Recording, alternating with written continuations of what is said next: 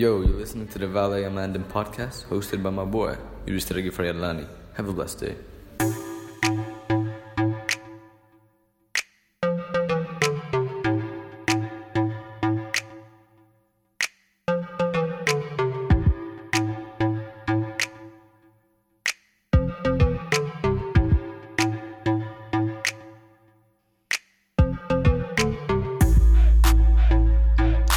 Hello worthy people, welcome to the Valet Amandum Podcast dengan host kalian Yega di sini. Hari ini kita kedatangan seseorang yang udah lama ingin gue wawancarain. He's basically the real life person of who Nassim Nicholas Taleb says in his book Skin in the Game. Don't tell me what you think, tell me what you do. In high school, he managed to found his school cinematography club, which he also managed to join an exchange program to the United States. And while he's there, he managed to make one of his films that he filmed with his club screen in the Santa Monica International Teen Film Festival.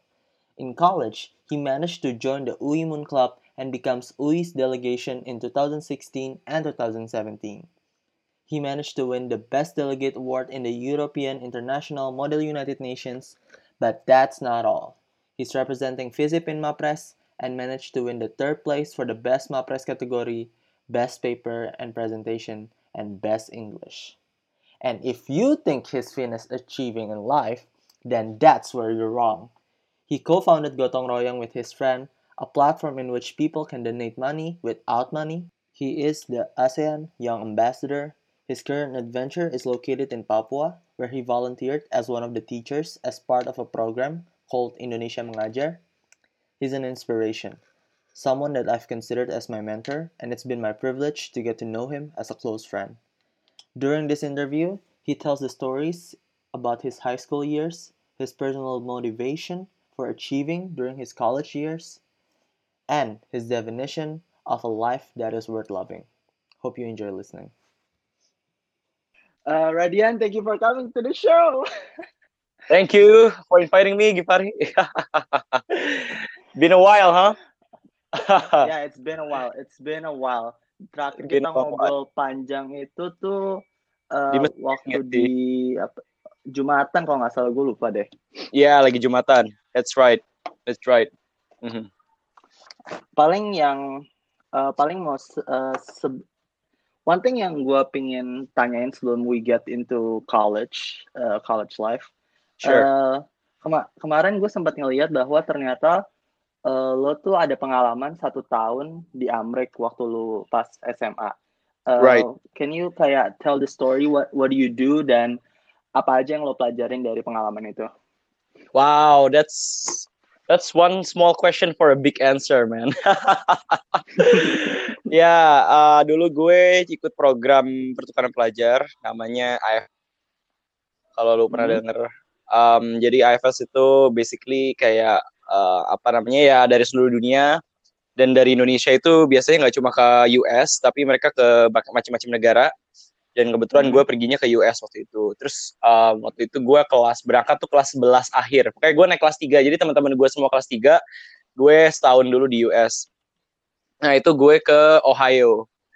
Jadi gue tinggal di Ohio tinggal di Columbus. Columbus tuh ibu kotanya state eh, apa state Ohio negara bagian Ohio terus tinggal di sana Mhm. selama setahun sebagai anak SMA lah basically. Gitu sih. So it was actually pengalaman merantau pertama gue. Pertama pertama kali merantau gue. Terus abis itu eh, apa namanya well I learned a lot sih. Eh, apa ya it's it's a huge thing. Kayak kayak um, Hmm. kayak I learned kayak to live with Americans and how kayak seeing kayak apa ya bener-bener kayak culture yang bener-bener berbeda banget dari culture kita gitu ya. Kayak culture di Indonesia gitu kan. Dan dan gue sering banget eh, gue tinggal sama host family. Host family gue itu eh, apa namanya eh, am- apa white Americans kayak orang kulit putih. Mereka religius sangat eh, beragama gitu kan. Terus abis itu apa namanya mereka juga ya basically gue bersyukur sih dapat keluarga itu karena keluarga itu benar-benar menjunjung tinggi nilai-nilai kekeluargaan lah basically. Gitu sih. Jadi kayak mereka tuh tiap jam 6 sore kita bakal ngumpul bareng makan bareng terus cerita-cerita sampai malam dan mereka sangat terbuka juga sama perbedaan gitu kan walaupun gue orang Islam tapi mereka sangat Hmm. menghormati uh, apa namanya uh, agama gue dan kultur gue dan mereka pun gue juga belajar juga dari mereka kayak oh ternyata kayak gini ya. Apa uh, white Christian American family itu kayak gini gitu uh, yang paling berkesan sebenarnya dari pengalaman gue itu sih um, I think my experience with the family uh, apa namanya sama mereka yang super baik dan apa namanya um, banyak ngobrol sama mereka dan banyak banget kayak pandangan-pandangan yang berbeda gitu. Contoh yang paling gampang itu adalah mengenai ini sih, mengenai gun ownership ya. Ini menurut gue paling menarik sih. Kayak kalau mm -hmm. di Amerika itu kan, you know, kayak ada kasus-kasus penembakan kan. Jadi waktu gue di SMA di sana itu, waktu gue SMA, gue inget banget uh, kita pernah drilling. Jadi kan di Amerika itu sering ada drilling-drilling ini kan kayak apa? Latihan kesigapan bencana lah istilahnya. Jadi kalau misalnya kayak ada kebakaran kita latihan drilling kalau ada kebakaran keluar rame-rame atau kayak ada gempa kita keluar rame-rame. Tapi ada satu drilling yang menurut gua kayak unik banget yaitu adalah drilling intruder. Jadi hmm. kayak apa namanya kita gue inget banget waktu lagi di kelas matematika tiba-tiba seluruh ruang kelas tuh diminta untuk dikunci dan ada pengumuman dari kepala sekolah kalau misalnya ada intruder masuk ke sekolah. Tapi itu kalau nggak salah sih cuma drilling ya.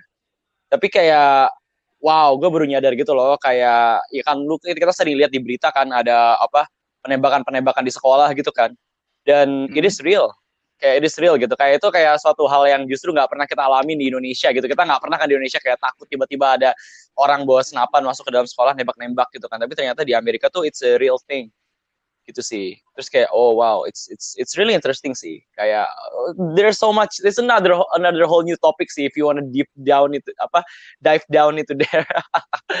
Tapi intinya I'm very grateful with that experience sih karena I learn about other culture and especially American culture yang biasa kita lihat di TV kan yang biasa kita lihat hmm. di film-film dan ternyata uh, banyak aspek-aspek yang gue nggak menyadari uh, bahwa ternyata oh Amerika tuh kayak gitu. Oh ya satu hal sih yang menurut gue relevan juga adalah mungkin waktu hmm. sebelum gue berangkat ke Amerika, gue mikir orang Amerika tuh kayak di Amerika tuh individualis dan sombong-sombong kan.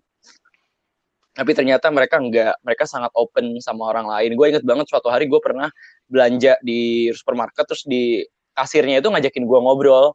Jadi kan kalau misalnya gue di Jakarta biasa jaj, apa ke supermarket ya udah ya kita belanja belanja aja, lu ketemu kasir, lu kasih barang, kasih duit selesai gitu kan waktu gue di sana tuh gue ngasih waktu gue di kasir tiba-tiba dia ngajakin gue ngobrol kayak semalam nonton ini nggak pertandingan football? Terus gue kayak oh iya gitu kayak iya terus dia cerita iya sih ini gini banget. Terus ya udah kita malah ngobrol ngomongin football kayak menurut gue itu suatu hal yang wow kayak suatu sisi lain di Amerika yang kita nggak tahu gitu bahwa orang tuh senyaman itu untuk open up sama orang lain ramah lah sebenarnya orang-orang Amerika itu.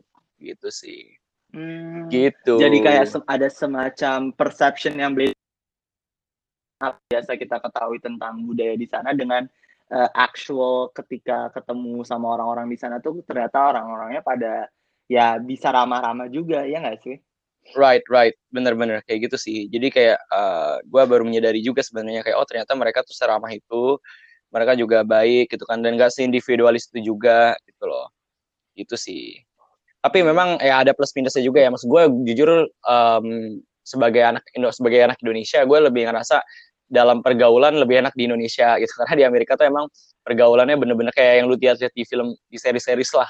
Atau nggak sih? Kayak di Glee gitu yang ya udah lu ngegeng sama si ini ngegeng sama ini si itu. Dan kalau misalnya hmm. gitulah ngegeng banget lah istilahnya kalau di Amerika. Kalau di Indonesia kan mungkin lebih luwes ya lebih cair gitu kan yang namanya pertemanan tuh. Hmm. gitu sih. Jadi itu sih yang gue lihat di Amerika sih gitu.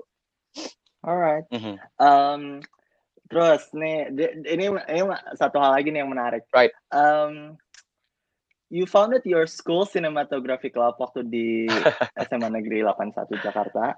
Right. So then shot a film and got selected to be screened in Santa Monica International Teen Film Festival. Wow. Right. Right. oh yeah, uh, can you uh, can you tell the, that story kayak oh, how how how does it gimana caranya orang bisa satu gimana caranya orang bisa kayak bikin tahu-tahu klub uh, klub sinematografi dan gimana caranya misalkan um, ya yeah, shot a film and actually screen di Santa Monica International Film Festival. Ya, yeah, well, well gini sih, Gif. Gue tuh gue dari SD dari TK kayaknya bahkan dari TK sampai gue SMP tuh gue selalu di sekolah di sekolah swasta kan terus abis itu Hmm. em, maksudnya akhirnya gue memutuskan waktu masuk SMA ya gue harus masuk sekolah negeri gitu. Karena sekolah swasta gue tuh sebelum sebelumnya tuh kayak sekolah yang orangnya sedikit tau gak sih? Yang ya udah kayak nggak ada ekskul dan lain-lain gitu loh. And kayak gue pengen masa-masa SMA gue tuh eh, penuh dengan ekskul lah gitu kan. Ya udah akhirnya gue masuklah ke Mhm. 81 gitu kan SL 81 dulu tuh sebenarnya gue nggak pengen masuk ke 81 awalnya karena 81 itu terkenal dengan akademik ininya apa secara akademis kan eh, apa namanya rigorous lah gitu. Maksudnya terkenal itu sekolah unggulan secara akademis. Gue malah pengennya masuk ke sekolah yang nggak begitu Hmm. unggulan-unggulan banget tapi gue tahu ekskulnya asik gitu kan. Nah tapi kata nyokap gue udah coba aja daftar di situ dulu gitu. Ya Hmm. udah gue daftar daftar daftar daftar eh keterima gitu kan. Terus zaman dulu kan masih zaman zaman RSBI tuh zaman gue ya udah karena udah keterima kalau lu udah keterima RSBI lu nggak boleh mundur kayak lu nggak boleh cabut gitu loh. Karena kalau lu cabut lu diblokir dari 10 SMA negeri apa kalau nggak salah. Ya udah akhirnya gue masuk sekolah itu kan. Nah gue tuh sebenarnya udah dari SMP akhir tuh udah demen bikin film. Dan gue tuh udah pengen lah maksudnya kayak gue Oke. pengen ekskul. Gue tuh gue pengen ikutan ekskul film sama ekskul teater gitu kan. Maksudnya kan itu lumayan umum lah ya di SMA SMA di Jakarta gitu kan. Nah ternyata pas gue masuk 81 nggak ada coy ekskul film sama ekskul teater. Tau gak sih? Kayak ada 30 ekskul. Serius Demi jadi ada apa? 30 ekskul. Bayangin ekskul ada 30 ada banyak banget. Bahkan ada kayak ekskul aeromodeling coy. Kayak ekskul bikin pesawat itu ada. Kayak ekskul ada sebanyak itu tapi nggak ada ekskul teater sama ekskul film.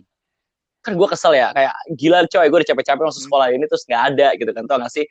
Ya udah akhirnya suatu hari out of nowhere gue nanya lah ke guru gue Eh, ah, itu ujung-ujung kelas 1 tuh kan gue masih kelas 10 ya. Kelas 10 gue ikutan ekskul lain terus gue mikir duh gue pengen nih bikin film itu kayak passion gue gitu kan. Terus akhirnya gue nanya lah ke guru guru gitu kan kayak eh kalau mau bikin ekskul gimana caranya pak? Gitu. Ya udah coba kamu kumpulin 20 orang tanda tangan ntar kasih ke saya gitu. Ya udah. Akhirnya gue cari 20 orang temen gue gue carilah orang-orang terdekat gue dan lain-lain 20 orang. Terus habis itu gue submit deh tanda tangannya ke guru gue. Terbentuklah ekskul film itu. Gitu deh. Hmm. jadi kayak ya udah Oke. dari situ bikin ekskul film terus abis itu gue juga nyari coach juga jadi waktu itu gue nyari kayak orang IKJ gitu. Kayak dia dosen IKJ Hmm. eh, buat jadi coach kita eh, ngajarin film. Terus ya udah kita ikut-ikutan lomba dan lain-lain gitu sih. Dan gue inget banget sih kayak wah itu emang seru sih bikin-bikin film dan lain-lain. Jadi kayak masa SMA gue tuh bisa dikatakan highlightnya itu sih bikin film gitu. Nah ini ada satu cerita yang nyambung ya sama pengalaman gue waktu di Amerika ya Hmm. jadi em, yang film yang Hmm. gue bikin itu yang di screen di Santa Monica International Film Festival itu, itu tuh judulnya The Last Answer Hmm. gitu kan. Itu kebetulan gue juga sutradaranya waktu itu. Terus eh, syutingnya itu tepat sebelum Hmm. gue berangkat ke US buat exchange. Jadi kan gue itu kelas 11, kelas 2 SMA, gue bikin apa ekskul. Terus di akhir eh, kelas 11 itu barulah gue eh, bikin film ini Last Answer itu kan. Nah, film itu gue bawa ke US. Gue bawa ke gue bawa ke sekolah gue lah ya waktu gue di Amerika gitu kan. Terus pas di sana eh Hmm. gue puter di ini apa ada ada kelas namanya kelas film gitu. Jadi emang ada kelas yang ngebahas film-film dan literasi lah gitu. Kayak basically kelas sastra sih gitu kan. Terus eh, suatu hari gue puter tuh film Oke. gue di depan teman-teman gue sama guru gue gitu kan. Gue puter di kelas itu. Terus setelah filmnya diputer, gue masih ingat sampai sekarang kata-kata guru gue. Jadi guru gue tuh kayak bilang gini ke apa namanya? Bilang gini ke teman-teman sekelas gue kayak, "Look, wow guys, look at how far behind we Americans are. Tau gak sih kayak wow gue lagi I know I know. Kayak I know man. Kayak pas pas habis itu Wow. kayak itu salah satu momen yang di mana gue tuh bener-bener bangga banget jadi orang Indonesia tau gak sih? Kayak selesai film itu diputer kayak wow kayak orang-orang pada kayak applause gitu kan terus kayak guru gue ngomong kayak gitu kayak lihat nih seberapa ketinggalannya kita anak-anak Amerika dibanding anak-anak Indonesia. Dan gue kayak hmm, tau gak sih? Kayak kayak gue tuh pengen banget nyanyi Indonesia Raya at that moment tuh gak sih? Gitu sih.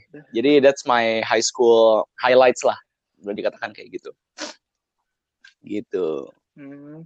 Eh, boleh ceritain dikit nggak? Eh, sebenarnya The Last Answer tuh tentang jadi sebenarnya tentang ini sih kayak um, tentang anak SMA jadi kayak ada anak SMA gitu um, apa namanya Hmm. dia itu lagi ujian UN waktu itu lagi ujian. Terus abis itu dia lupa dia kayak lagi ngerjain ujian terus dia lupa apa namanya sama salah satu kayak ada satu soal terus dia lupa jawabannya apa. Gitu kan. Akhirnya akhirnya dia masuk kayak ke dream sequence gitu loh. Dia masuk kayak ke sequence mimpi dia ketemu sama orang-orang di masa lalunya dia dan lain-lain dan dia mencari jawabannya di situ. Jadi basically kayak film itu tuh mengcapture kayak anak yang lagi ujian kayak lu waktu lagi lu ujian terus lu kayak lupa terus lu ngayal gitu loh gitu basically kayak gitu sih lama-lama gue baru nyadar sekarang bahkan itu kayak mirip-mirip selam Slumdog Millionaire gitu loh tau gak sih Ya, yeah, you know, yeah. gue gue gue literally baru nyadar hari ini kayak iya juga ya mirip Slumdog Millionaire. Gue subconsciously kali ya, gitu sih, gitu. Jadi ceritanya tuh kayak gitu. Hmm, Oke. Okay. That's answer. Oke, okay, so dari SMA right. terus masuk kuliah nih. Dan there's so many things. Uh, jadi um, there's this one book yang belakangan ini lagi sering banget gue baca, right. which is uh, nama judul bukunya tuh Skin oh, in the no. Game by yeah. uh, Nassim. Yeah, kan?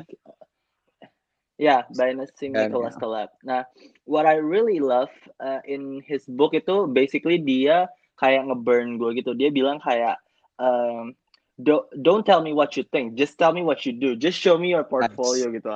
Dan uh, dan biasanya ketika gue ngobrol sama lo kan we're talking about uh, ideas gitu, we're talking about right. thoughts gitu. Dan gue baru sadar the reason kenapa you're you're so apa ya, articulated in your own thoughts gitu, it's because your your portfolio is so come on man, portfolio lo ya yeah, mungkin uh, what I want to know is that um, kayak da dari semua kegiatan yang banyak lo lakuin di uh, banyak lo lakuin di -huh. kuliah, uh, kenapa uh, kenapa gue merasa ada kayak dua tema yang uh, besarnya itu which is kayak dari sisi ng ngajarnya which is GUIM dan dan nanti kita bakal ngomong tentang apa yang lo sekarang uh, lakuin dan uh, right. MUN gitu loh. So kayak wh kenapa why those two pol uh, why those why those two polarities? I see, gitu I see. Sebenarnya um, GUIM tuh small smaller part sih. Kayak gue tuh baru ikutan GUIM kayak di tahun terakhir gue kuliah gitu loh. Jadi I wouldn't say GUIM tuh kayak hmm. a huge part of my college career gitu ya. Tapi sebenarnya gini sih, kayak okay. um, gimana ya? Um, gue tuh awalnya gue awalnya nggak mau masuk UI loh, gitu. Kayak gue tuh baru mau masuk, gue tuh baru mau masuk okay. UI itu um, saat beberapa bulan sebelum SNMPTN. Jadi kayak beberapa bulan sebelum kayak gue harus nentuin jalur untuk uh, apa nentuin jurusan untuk undangan gitu kan. Gue tuh dari dulu jujur ya, ini jujur nih. Gue dari dulu tuh dari awal masuk S SMA, gue tuh hmm. udah tekat tekad gue tuh masuk IKJ. Tau gak sih? Kayak gue mau sekolah film, serius. Kayak gue tuh dulu pengen banget jadi sutradara film kan. Kayak oke, okay, gue mau sekolah film, gue mau masuk ke IKJ, itu udah jadi impian gue. Sementara pas gue masuk ke 81 tuh literally hampir semua orang di semua di semua kayak semua orang teman-teman gue tuh kayak abis banget mau masuk UI, ITB, UGM you know kayak the top 3 gitu loh. Bahkan ya lu harus tahu di hari pertama waktu hmm. gua mos itu waktu gua mos SMA itu gurunya ngomong kayak gitu wakil kepala sekolah kalau nggak salah. Dia bilang kayak uh, hari pertama dia bilang ya Allah semoga apa anak-anak kami ini masuk ke UI, amin, masuk ITB, amin, masuk UGM. Dude, can you imagine? It's your first day in high school, man. Gak sih kayak it's your first day in high school and, and kayak lu udah dibilangin kayak gitu loh, kayak udah didoktrin kayak gitu kan. Nah, tapi gue tuh kayak waktu itu kayak ah gue nggak mau gitu kan. Terus somehow somehow kayak beberapa bulan sebelum SBM uh, kayak ya udah gue ngobrol sama orang tua gue dan lain-lain. Akhirnya gue kayak kasih tahu kalau cobalah masuk dulu cobain aja tes gitu kan masuk UI gitu kan. Karena uh, ada banyak pengalaman yang nggak bisa didapatkan di apa sekolah di PTS lah katakanlah begitu. Bukan yang gue merendahkan PTS ya tapi kan kayak UI itu kan sekolah yang it's a huge mm-hmm. school ya nggak sih? Kayak skalanya besar ada 8.000 orang mm-hmm. satu angkatan kayak there's a lot of experience yang bisa dieksplor gitu kan. Ya coba aja masuk situ gitu kan. Terus kayak ya udah oke okay, fine gitu. Ya udah akhirnya gue masuk UI uh, jurusan politik gitu kan. Karena emang gue emang passionate sih di apa isu politik dan lain-lain gitu kan. Terus uh, jujur ya waktu masuk kuliah itu gue nggak picture myself sebagai anak MUN gitu. Bahkan gue lebih picture myself sebagai anak BEM loh dulu. Serius. Kayak gue bayang oh wow I know for, for real for real. kayak gue nggak nyangka gitu. I didn't even know there's gue tahu ada MUN tapi dulu pertama kali gue tahu MUN tuh waktu SMA gue tuh ngerasa kayak ah ini orang sosokan semua tuh gak sih? Kayak gue mikir kayak sosokan pakai jas terus habis itu lu sosok ngomong bahasa Inggris yang keren-keren gitu tau gak sih? Kayak gue mikir kayak apaan sih? Kayak so, so keren lu gitu loh. Dalam hati gue dulu mikir gitu pertama kali tahu MUN kan. Terus akhirnya temen gue yang setahu gue temen gue nih by the way temen gue yang dari ekskul sinematografi kan dia udah kuliah duluan tuh karena gue AFS dia bilang nih ikutan deh yang namanya Jakarta MUN gitu kan. Jeman gitu uh, itu tuh sebenarnya gue ikutan Jeman sebelum masuk kuliah jadi uh, bulan-bulan antara bis SBMPTN sampai ke kuliah itu kan kosong ya, lama kan kosong kan, kayak berapa bulan. Ya udah, akhirnya gue pakai untuk ikutan MUN, and ternyata itu menyenangkan gitu. Terus ya udah deh akhirnya gue ikutan MUN waktu gue kuliah gitu. Ya, yeah, so it was surprising as well sih. Ya. gitu. Uh, uh, Oke, okay. oke. Okay. Dan, dan, dan let me ask you kayak, how come you win like tiga title di MUN dari orang yang waktu SMA-nya ngomong kayak, wah MUN nih so, uh, sosok banget nih orang cuma pakai jas, sosok ngomong bahasa Inggris. Jadi I know, I know. Kayak, I know, I know, I know. It's it's it's it's surprising ya. Gue juga nggak nyangka sih. Kayak I really enjoy it sih. Kayak nggak tahu ya. kayak gue juga nggak nyangka sih. Jujur kayak apa namanya? Um, mungkin karena MUN itu kayak you get to debate, you get to talk, you get to persuade, you get to negotiate gitu loh. Gue juga sebenarnya enjoy debating. Gue juga waktu awal-awal kuliah, waktu maba, gue juga ikutan debating. Kayak debate sama MUN tuh kayak ini banget lah, game gue banget gitu kan. Tapi gue lebih suka MUN karena MUN itu kayak ada seni persuasinya gitu loh, Gif. Tau gak sih? Kayak kalau debating mm -hmm, itu kayak yeah. lu berusaha untuk proving that lawan bicara lu salah gitu loh tau gak sih kayak you're trying to prove that you are kayak lawan bicara lu salah dan argumen lu bener gitu loh. Basically ya di debating ya gitu kan. Tapi kalau persuading tuh lu berusaha untuk persuade ke lawan bicara lu bahwa hey you know what? We have a common ground we can work together gitu loh. Dan sampai hari ini sampai hari ini tuh kayak skill yang gue dapatkan di MUN tuh sangat ber, ber, kayak bermanfaat gitu loh. Kayak bahkan ya ini nyambung sama keadaan gue sekarang nih waktu gue lagi M. Kemarin itu waktu lagi musrembang musyawarah apa kan gue di desa kan ada musrembang kan, musrembang desa. Musrembang desa itu selama ini nggak pernah bikin anggaran khusus pendidikan yang berbentuk perpustakaan gitu.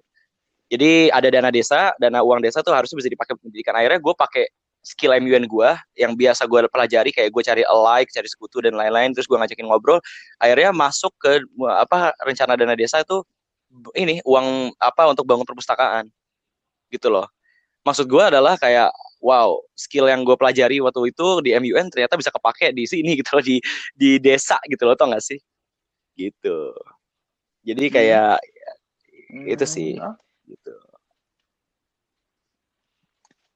uh, bisa diceritain nggak kayak uh, prosesnya dari uh, dari lo misalkan uh, latihan di Indonesia sampai akhirnya di sana tuh di kalau gue lupa deh kalau nggak salah tuh pertama di Rome setelah itu yang uh, yang HN HN Moon yang kedua tuh kalau nggak salah pertama di, gitu ya, di oh Boston, ini waktu lagi di international itu ya pertama gue ke Den Haag dulu ke Eropa Nah, so we're gonna hmm, talk okay, about okay. MUN ya. Jadi kayak uh, apa namanya? Pertama-tama tuh gue ikutan MUN. Jadi kalau misalnya kita ngomongin di UI, MUN UI. Jadi sebenarnya kan lu basically bisa ikutan hmm. MUN tuh bisa aja ikutan gampang lah, daftar tinggal daftar bayar lu join gitu kan MUN itu. Tapi kalau lu mau jadi delegasi UI, delegasi resmi UI untuk dikirim ke luar negeri, itu lo harus masuk pertama masuk UIM Club dulu. Gitu kan. Jadi udah masuk ke okay. UIM Club itu ada seleksinya. Udah lolos seleksi UIM Club nanti di dalam UIM Club lu akan seleksi lagi untuk delegation. Gitu. Untuk tim delegation ke luar negeri ke luar negeri. Gitu. Nah tim delegation itu ada banyak. Ada yang ke Singapura NTU MUN NI apa ada Singapura MUN ada yang ke Eropa, ada yang ke Asia dan lain-lain. Nah dulu tuh gue ikutan, gue ngincernya buat ikutan yang namanya Taiman. Uh, di Taiman tuh kepanjangannya okay. di European International MUN, gitu kan. Terus ya udah, uh, jujur ya, gue mau jujur sama lu. Gue tuh hampir nggak jadi daftar, nggak jadi ikutan hmm. karena gue nggak pede, coy. Seriusan. Jadi kayak waktu okay. itu gue, karena gue masih Kenapa? maba kan, maksud gue kayak ya lah kayak siap sih gue gitu tuh gak sih? Kayak kayak gue tuh ngerasa kayak anjir gue hmm. masih maba. Gue nggak nggak apa namanya uh, gue nggak yakin lah sama kemampuan gue terus gue mikir kayak ya udahlah kayaknya gue daftar daftar Teiman nih. Karena yang ikutan Teiman tuh emang biasanya yang apa ngejreng ngejreng itulah apa portofolionya gitu tau gak sih gitu. Dan, dan biasanya kalau lu mau building Hmm. up career di MUN itu biasanya tahun pertama tuh lu ikutan MUN lokal-lokal dulu kayak ngasah diri terus baru tahun kedua lu ikutan MUN yang major-major gitu. Ikutan MUN yang apa namanya yang gede-gede gitu kan yang ke luar negeri. Ya, Taiman tuh sebenarnya termasuk salah satu delegasi yang top juga gitu kan. Makanya dulu awal-awal gue kayak kayaknya gue belum tepat nih di sini gitu kan. Sampai akhirnya eh, ada eh ini gue kayak ada senior gue itu datang dia bilang kayak udahlah cobain aja lu ikutan gitu kan. Cobain aja. Terus gue mikir-mikir ya juga ya gue kan salah gue gak akan rugi apa-apa gitu loh tau gak sih? Kalau gue nyoba dapat ya alhamdulillah. Kalau enggak ya Mhm. udah gitu kan. Ya udah ya gue cobain gue gaspol. Gue inget banget waktu itu eh, simulasi percobaannya tuh waktu gue lagi UTS coy. Jadi kayak gue tuh bolak-balik dari Hmm. ruangan simulasi ke kelas terus balik lagi ke sana terus kayak kayak waktu gue masuk kelas tuh gue pakai jas gitu atau gak sih? Kayak lu bayangin dong lu dan itu kelasnya MPK agama coy lu bayangin dong kayak MPK agama. Gue MPK agama ujian pakai suit entai coy sama sih? Kayak terus kayak dosen gue tuh ngeliatin gitu kayak kamu rapi sekali gitu kan kayak.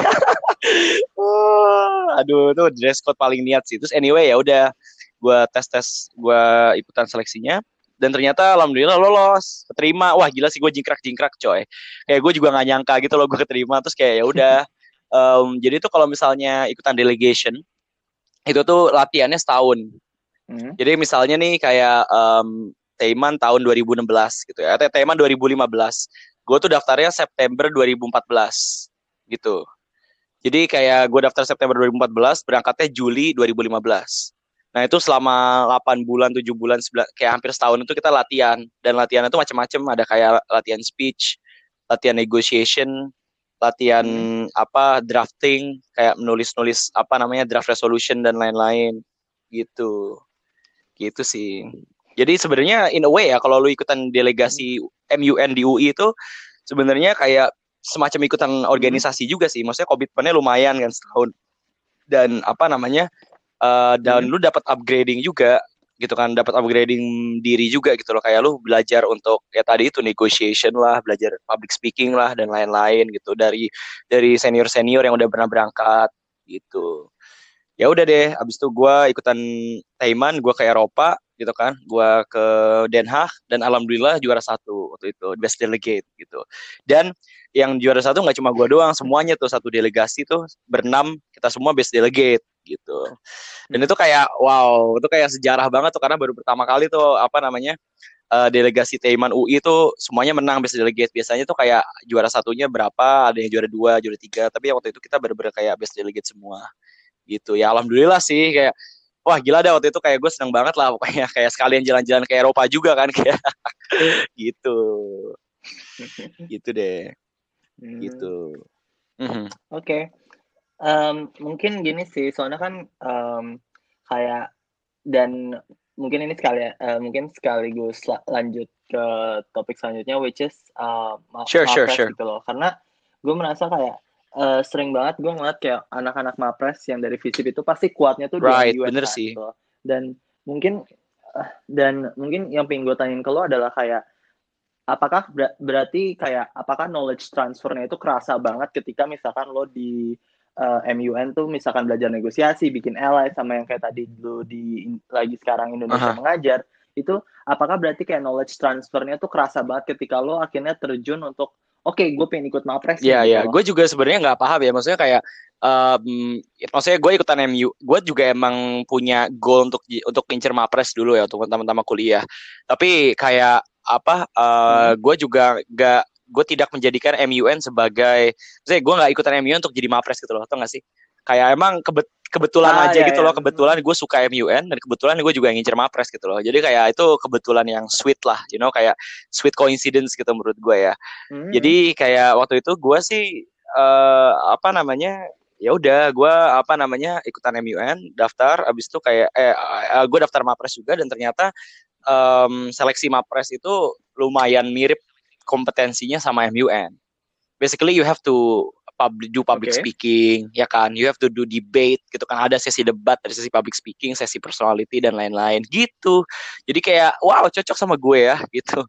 Kayak gue ngerasa kayak cocok ya pas gitu loh. Kayak kebetulan lah sama gue udah MUN lama gitu kan.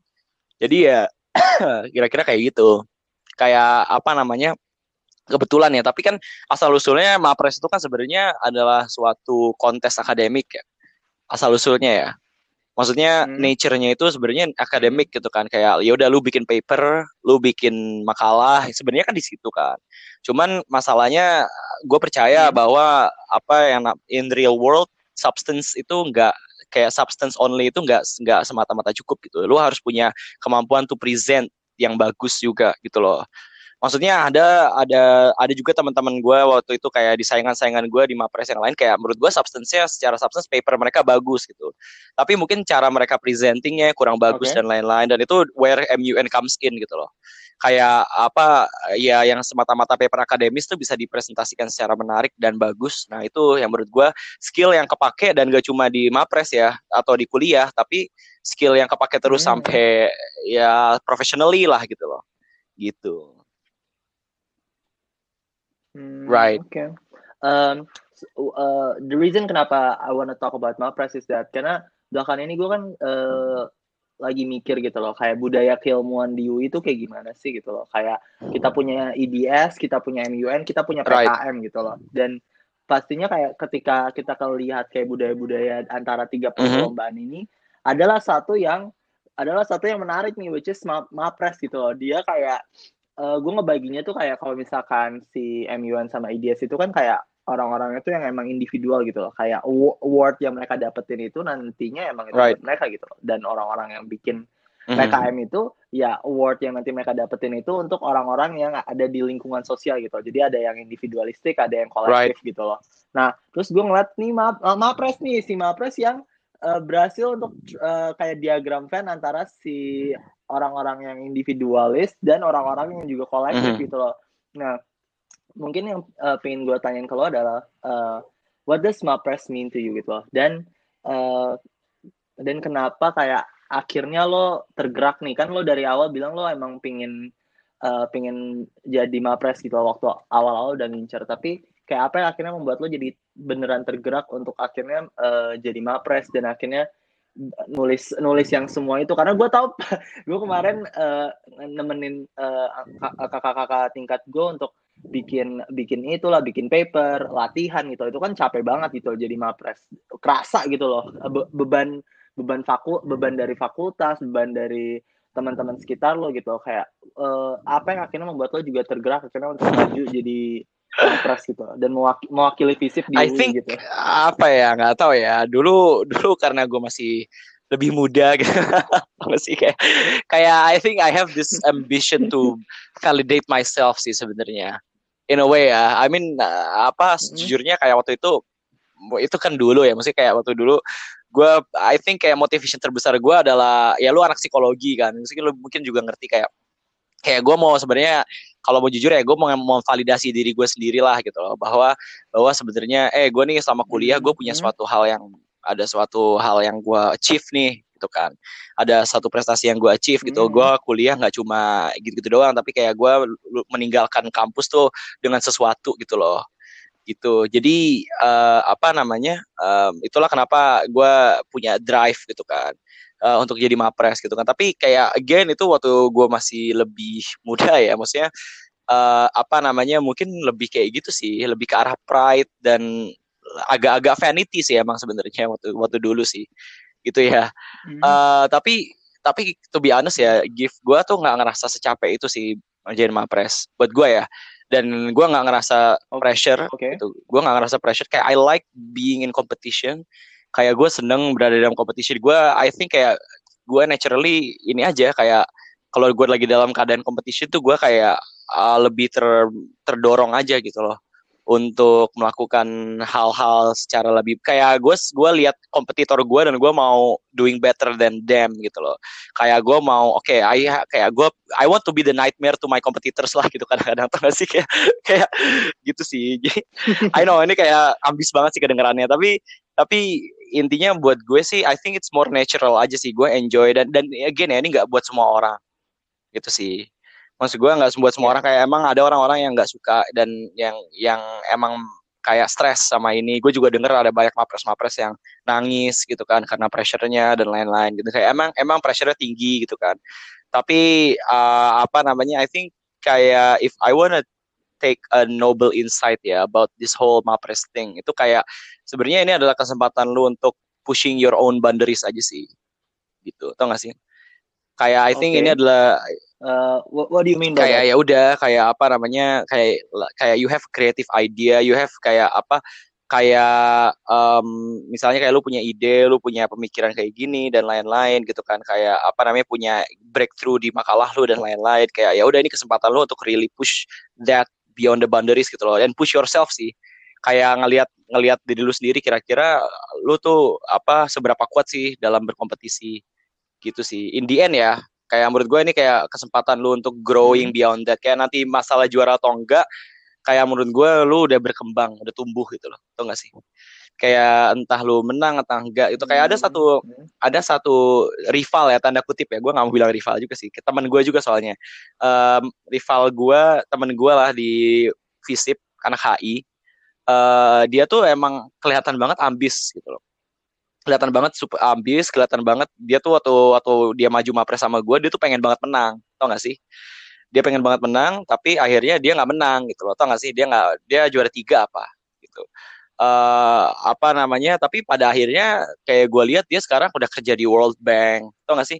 Kayak dia juga pernah ikutan conference di Harvard dan lain-lain gitu. Maksudnya eh gue yakin dari experience Mapres itu dia kayak udah kedorong untuk upgrading dirinya sendiri juga gitu loh walaupun dia nggak jadi juara tapi itu tetap bisa bermanfaat untuk dia gitu sih.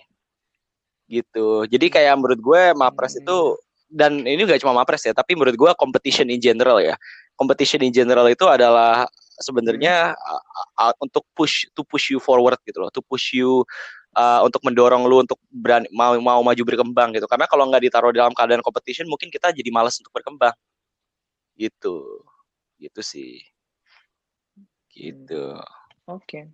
ya Damn. kayak ya kayak maksud gue ini nggak cuma buat mapres ya. Mungkin kayak- mungkin kayak ada juga yang mau apa namanya kayak maju ke apa misalnya BEM gitu atau apa HM atau apa atau misalnya lu mau jadi ketua panitia ada UKK gitu kan kayak kayak lu punya pesaing dan lain-lain. Nih kalau lu nggak punya pesaing mungkin lu kayak terlalu nyaman gitu loh tau gak sih?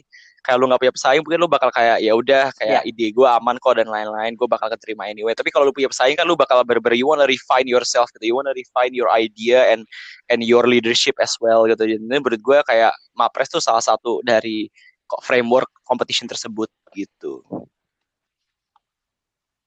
Hmm, Gitu sih. Oke. Um, mungkin ini mungkin ini mesti kayak pertanyaan Sure, di sure, awalnya, sure. which is kayak where uh, apakah dari apa sih kayak where does this uh, drive for competition comes from Mhm. gitu kayak lo apakah itu udah dari uh, kayak itu dari kecil kan? Iya, kalau gue mungkin gara-gara gue kalau gue gara-gara gue suka baca ini ya, baca manga-manga apa eh, manga-manga sport gitu. kayak, kayak lu tahu ini gak sih eh, I Shield 21, I Shield 21? gue jadi ada ada dua pokoknya kan ada pokoknya kan ada beberapa kayak komik yang soal, soal Right. gitu-gituan kan kayak Kuroko terus Yeah. IQ, terus si Right, Ice right. Shield, terus Slam Ah, Dunk ah, ah, gitu-gitu lah. What, what, what do you learn I, I from think I Shield? think Ini ya pertanyaan frankly ya menarik. I Shield tuh menurut gue kayak manga yang paling berpengaruh dalam hidup gue dan jujur aja ya setelah gue baca I Shield gue nggak ada lagi loh manga lain yang gue ikutin. Kayak I Shield tamat terus udah stop gue nggak nggak baca manga lagi gitu loh. Maksud gue kayak ya udah gue occasionally aja baca kayak apa namanya mungkin kayak teman-teman lagi pada ngomongin One Piece ya gue cuma buka-buka apa sih One Piece lagi apa tapi gue nggak sebenarnya gue bukan pengikut komik gitu loh.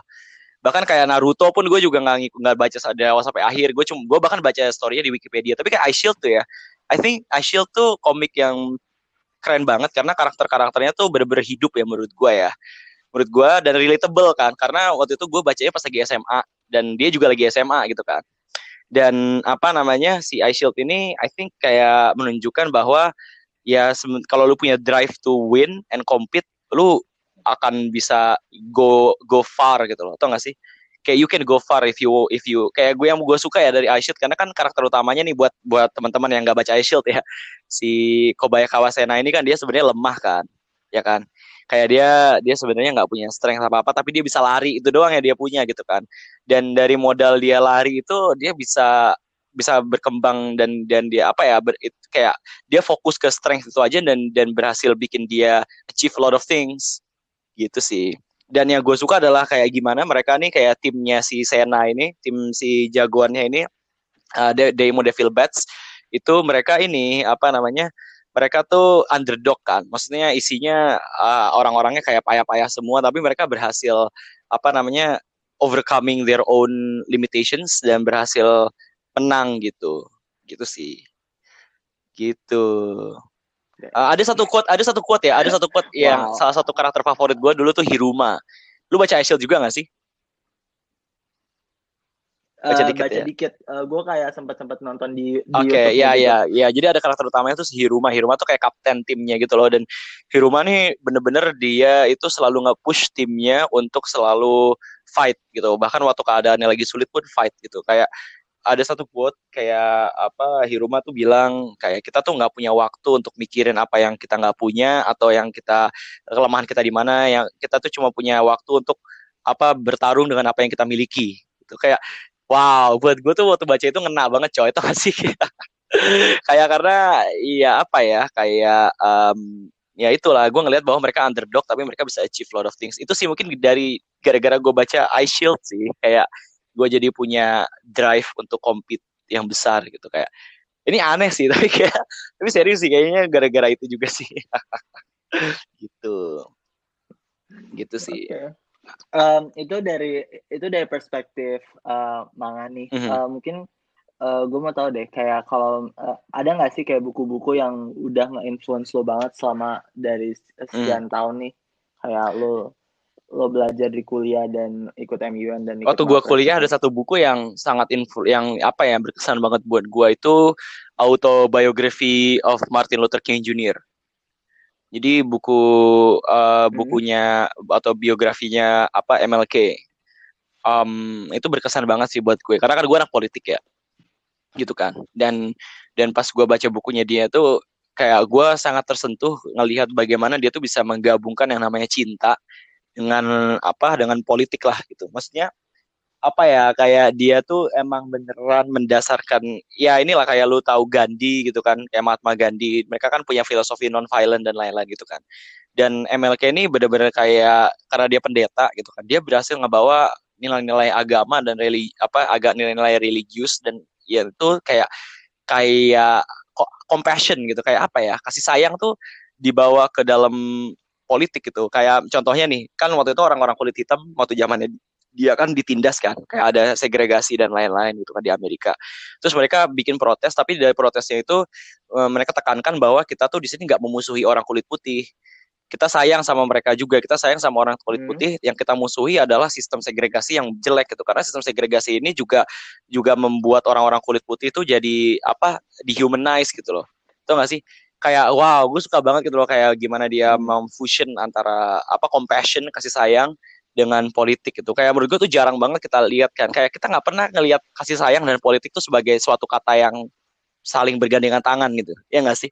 Kayak kita mikir politik itu adalah kejam gitu. Yeah. politik itu adalah ya udah uh, soal kekuasaan who gets what and how gitu kan. Tapi kayak di situ gue ngelihat bahwa sebenarnya lu masih bisa loh membawa compassion, membawa kasih sayang ke dalam politik gitu, ke dalam apa policies dan lain-lain. Dan itu kayak wow itu ngena banget sih di gue, tau gak sih?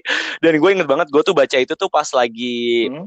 uh, lagi demo-demo apa empat sebelas dua satu dua, tau gak sih? Jadi deket-deket situ tuh gue baca-baca baca buku itu dan gue kayak apa ya kayak gue wondering aja gitu loh kayak apalagi kita ya di Indonesia gitu uh, kita kan sekarang kan orang-orang banyak yang bilang kita politik sama agama udah mulai syarat dan saling deket gitu kan. Sebenarnya gue nggak masalah gitu loh, selama kita tuh membawa nilai-nilai compassion gitu, kasih sayang gitu. Tau gak sih? Ini yang menurut gue masih kurang di Indonesia gitu. Masih kurang kita membawa kasih sayang dan kemauan untuk empati aja gitu loh. Bahwa uh, orang lain tuh juga kayak lawan bicara kita tuh uh, kayak kita di politik tuh bukan kita lagi bertanding, tapi kita sebenarnya lagi problem solving bareng-bareng dan untuk bisa problem solving bareng-bareng ya kita butuh tadi itu compassion gitu sih ini jadi terlalu filosofis ya tapi ya gitu sih gitu ya mungkin kayak uh, karena gue mungkin gue senang sih kayak the, the thing that I love about Martin, uh, Martin Luther King Jr. itu kayak dia ngebawa filosofinya itu pokoknya common humanity right. gitu loh. Jadi kan kalau di politik itu kan biasanya kita suka uh, suka pakai uh, term namanya common hmm, enemy. Ngerti ngerti. Jadi kayak siapa sih musuh kita musuh kita bersama tuh siapa sih gitu dan ayo kita uh, serang banget kan gitu dan itu dan itu gampang banget kan untuk ngerel yang ya, benar, benar. common uh, common enemy kita nih si Betul. ini gitu loh dan ini di dan ini dieksplor lagi kan sama si salah one of my uh, one of my favorite uh, moral psychology professor itu si Jonathan Oh, tahu tahu gitu. ya. dia ngebahas Religion di ya, religious itu. Ya kan yang why Ah. ya why why good people are divided by politics Right, and right, right, religion right. gitu. dan uh, dan ket- ketika dia bilang kayak ya basically ya morality itu divide people into teams yang bikin mereka tuh jadi malah saling Iya, berantem iya, gitu iya. loh dan gue sukanya kenapa si apa tuh kayak ibaratnya tuh si common humanity yang dibawa si Martin Luther, Luther King Jr. ini basically dia kayak ngomong kayak ya lo juga son of God lo juga anaknya Tuhan gitu loh berarti kalau lo anaknya Tuhan dan gue anaknya Tuhan berarti mestinya gue juga harus bisa belajar untuk mencinta mencintai lo sebagaimana gue mencintai diri gue sendiri gitu dan the fact that dia dia ibaratnya yang kayak ya gue pinginnya tuh dunia eh, ketika gue pingin membangun dunia yang lebih baik bukan berarti nggak ada lo yang si lawan bicara gue ini tapi gue dan lo kita sama-sama bangun dunia yang lebih baik dan menurut gue gue setuju ketika di Indo Iya, benar benar benar benar. benar. di Indo kayak nggak nggak tahu gimana sih tapi eh, nggak- mungkin gue pintanya pendapat lu sih tapi kalau menurut gue kayak di Indo tuh sering banget ketika misalkan partai Mhm. politik itu ketika mereka men trying to design the kind of uh, politics yang mereka bawa atau dunia yang ingin mereka buat atau kayak lingkungan yang ingin mereka ciptakan Mhm. di Indonesia kadang tuh mereka lupa nge- nge-include si uh, si lawan bicaranya gitu atau orang-orang yang bisa jadi nggak punya satu value dengan mereka gitu dan jadinya akhirnya malah jadi ada perseteruan gitu sedangkan mungkin yang perlu didesain itu lagi gimana ada partai politik yang ketika nge trying to bikin sebuah policy Mhm. policy making dan hal-hal Mhm. lainnya itu mereka juga include need sama wants-nya dari partai-partai politik lain yang bisa jadi nggak satu value sama mereka. Yeah, I think apa ya, you're asking to a uh, political science student ya. Jadi kayak kayak I think hal tersebut nggak cuma di Indonesia doang sih, Gift, tapi um, itu emang natural di mana pun ya. Kayak maksud gua kayak di Amerika pun juga gitu kan. Apa lo Demokrat, lo Republican, kayak bahkan justru di Amerika lebih parah lagi kayak kalau bisa jadi nih ada orang temenan lama stop terus kayak mereka suatu hari ngomongin politik dan ternyata pandangan politik mereka berbeda, mereka bisa musuhan gitu loh. Gitu kayak di Amerika tuh bisa Hmm. separah itu gitu. Sementara kita kan di Indonesia mungkin nggak segitunya ya. Ya karena mungkin bisa ya segitunya. Tapi kayak menurut gua di Indonesia kayak gitu Bisa. pas lagi pemilu doang lah. Ya nggak sih? Pas lagi pemilu mungkin pilihan lu 01, Hmm. pilihan eh, kayak pilihan temen lu 02, terus habis itu kayak kalian berbeda pandangan berantem. Tapi kan setelah pemilu ya udah nongkrong lagi kan. Ya, ya kali masa habis pemilu kita masih ngeributin gituan gitu kan. Nah, jadi kayak menurut gua satu hal sih satu hal yang perlu disyukuri sih di Indonesia kita masih belum se sedivisif itulah ya politiknya ya. Eh, tapi ya tadi itu eh, apa namanya? Gue juga gue juga setuju sama lu sih. Kayak emang dibutuhkan yang namanya empati kan dan willingness to listen gitu kan eh, dari partai-partai politik. Dan itu menurut gue sih em, adalah suatu prinsip yang harusnya dipegang sama semua parpol ya. Gitu loh. Tau gak sih kayak prinsip untuk Hmm. punya common ground sih. Untuk kayaknya karena gue percaya ya kayak kayak semua orang tuh pasti ada ketidaksetujuan. Ya gak sih? Eh nggak ada orang yang sama. Iya nggak ada orang yang sama. semua orang tuh dan semua orang pasti punya ketidaksetujuan kayak bahkan eh, saudara kembar pun pasti kayak nggak setuju akan sesuatu gitu kan. Akan tetapi semua orang juga punya satu hal yang mereka setuju sama-sama gitu. Tahu sih? Kayak gue yakin lah kayak apa namanya? Kayak orang-orang kayak lagi debat-debat masalah apa gitu. Kayak pasti ada satu hal yang mereka setujuin bareng-bareng gitu loh. Tau gak sih? Kayak apa? Kayak kayak perdebatan misalnya mengenai masalah apa? eh, anggaplah misalnya masalah em, misalnya kayak kalau misalnya kayak politik ini ya kayak ah, income inequality atau apa dan lain-lain gitu kan. Pasti orang-orang misalnya kayak ada orang kaya yang pengen pajaknya lebih rendah gitu kan dan ada orang yang yang pengen pajaknya lebih tinggi. Tapi kayak mereka pasti punya satu kesepakatan bahwa kayak ya udah nih gue pengen lingkungan gue tuh eh, lebih baik gitu kan. Gitu kan. Dan orang-orang kaya ini juga sebenarnya mereka harus sadar gitu kalau misalnya income inequality itu menyebabkan eh, mereka sendiri tuh nggak aman gitu kan. Karena mereka rawan sama iya kan kayak kalau income-nya lebih equal eh, orang-orang di sekitar mereka itu lebih apa namanya lebih ya anggaplah lebih sejahtera pasti mereka juga bakalan lebih aman juga gitu kan. Mereka lebih apa punya risk lebih rendah terhadap crime dan lain-lain gitu. Kayak gue selalu percaya lah pasti ada common ground gitu loh di setiap isu gitu. Gitu sih Um, tadi itu udah yang soal kompetisi ah. dan itu tadi soal buku. But uh, maybe uh, what I wanna ask is what what makes you fall in love with politics in the first place? Gitu? gue nggak tahu ya gue juga nggak tahu sih Gif kayak um, gue inget banget soalnya dulu waktu gue kelas kelas berapa ya SMP apa SMP tuh SMP kelas berapa gitu gue kayak pernah berimajinasi bikin negara sendiri gitu loh atau nggak sih kayak kayak kayak gue bikin negara suatu negara tapi kayak punya, punya sejarah dan kayak apa namanya em, partai politiknya siapa aja dan lain-lain gitu itu gue tuh gue SMP gitu loh tau gak sih kayak dan kayak gue juga nggak tahu kenapa gue lebih pay attention sama hal-hal kayak gitu gitu loh bahkan kayak em, apa namanya waktu dari kecil tuh gue kayak udah baca kayak Gatra, Tempo, ya majalah-majalah kayak gitu gitu kan. Mungkin karena apa ya? Mungkin mungkin Hmm. karena kayak yang bikin gue tertarik itu adalah em, kayak itu adalah isu yang semua orang tuh ngebahas gitu ya. Semua orang tahu. Sebenarnya kayak politik itu kan terbuka gitu kan. Kayak lu bisa baca dan lain-lain gitu kan. Tapi itu tuh tetap apa ya? Kayak kayak itu adalah suatu proses problem solving yang yang yang menantang gitu loh. Tau gak sih? Kayak misalnya nih, kayak anggaplah kayak Mhm. misalnya lu engineer gitu kan, lu engineer atau lu dokter gitu kan. Kalau misalnya ada masalah kayak engineer lu mesin, ya udah lu bisa benerin gitu kan, bisa apa, lu bisa eh, apa namanya, eh, misalnya mesinnya rusak, ya udah lu kasih baut baru atau apa dan lain-lain gitu kan. Ya lu tahu apa yang mesti lu lakuin dan lu bisa ngelakuin. Atau misalnya lu dokter gitu kan, lu dokter lu ngelihat nih diagnosis si pasiennya kenapa, lu kasih obat, lu kasih terapi kayak gini kayak gini, ntar dia bisa sembuh gitu kan. Tapi kayak kayak politik itu kayak lu ngelihat ada masalah di masyarakat gitu kan lu ngeliat ada masalah di masyarakat dan lu apa namanya tahu polisinya harus kayak gini tapi pas polisinya diterapin yang ngejalin polisinya itu manusia tau gak sih dan di situ kompleksitasnya gitu. Karena Mhm. menurut gua politik itu yang bikin jadi kompleks adalah karena problem solvingnya itu melibatkan manusia gitu loh. Tau gak sih? Dan ya lu butuh negosiasi lah perlu persuade orang inilah dan lain-lain gitu. Jadi kayak nggak semata-mata lu tahu apa yang perlu dilakukan dan lu punya formula untuk melakukan tersebut eh, kemudian masalahnya akan selesai tapi ya butuh apa apa kayak butuh langkah lebih banyak untuk bisa memastikan bahwa eh, apa namanya masalah tersebut bisa tercapai solusinya. Gitu. Itu sih. Ini rada emang rada abstrak sih jawabannya. Gitu sih. Eh, Oh. Hmm, itu sih. Mhm. Oke, eh, oke. Itu po- politik udah, MUN udah. Ber- eh, next berarti si the the thing yang sekarang lo lagi fokusinnya sekarang, which is Right, Indonesia right, mengajar. Why?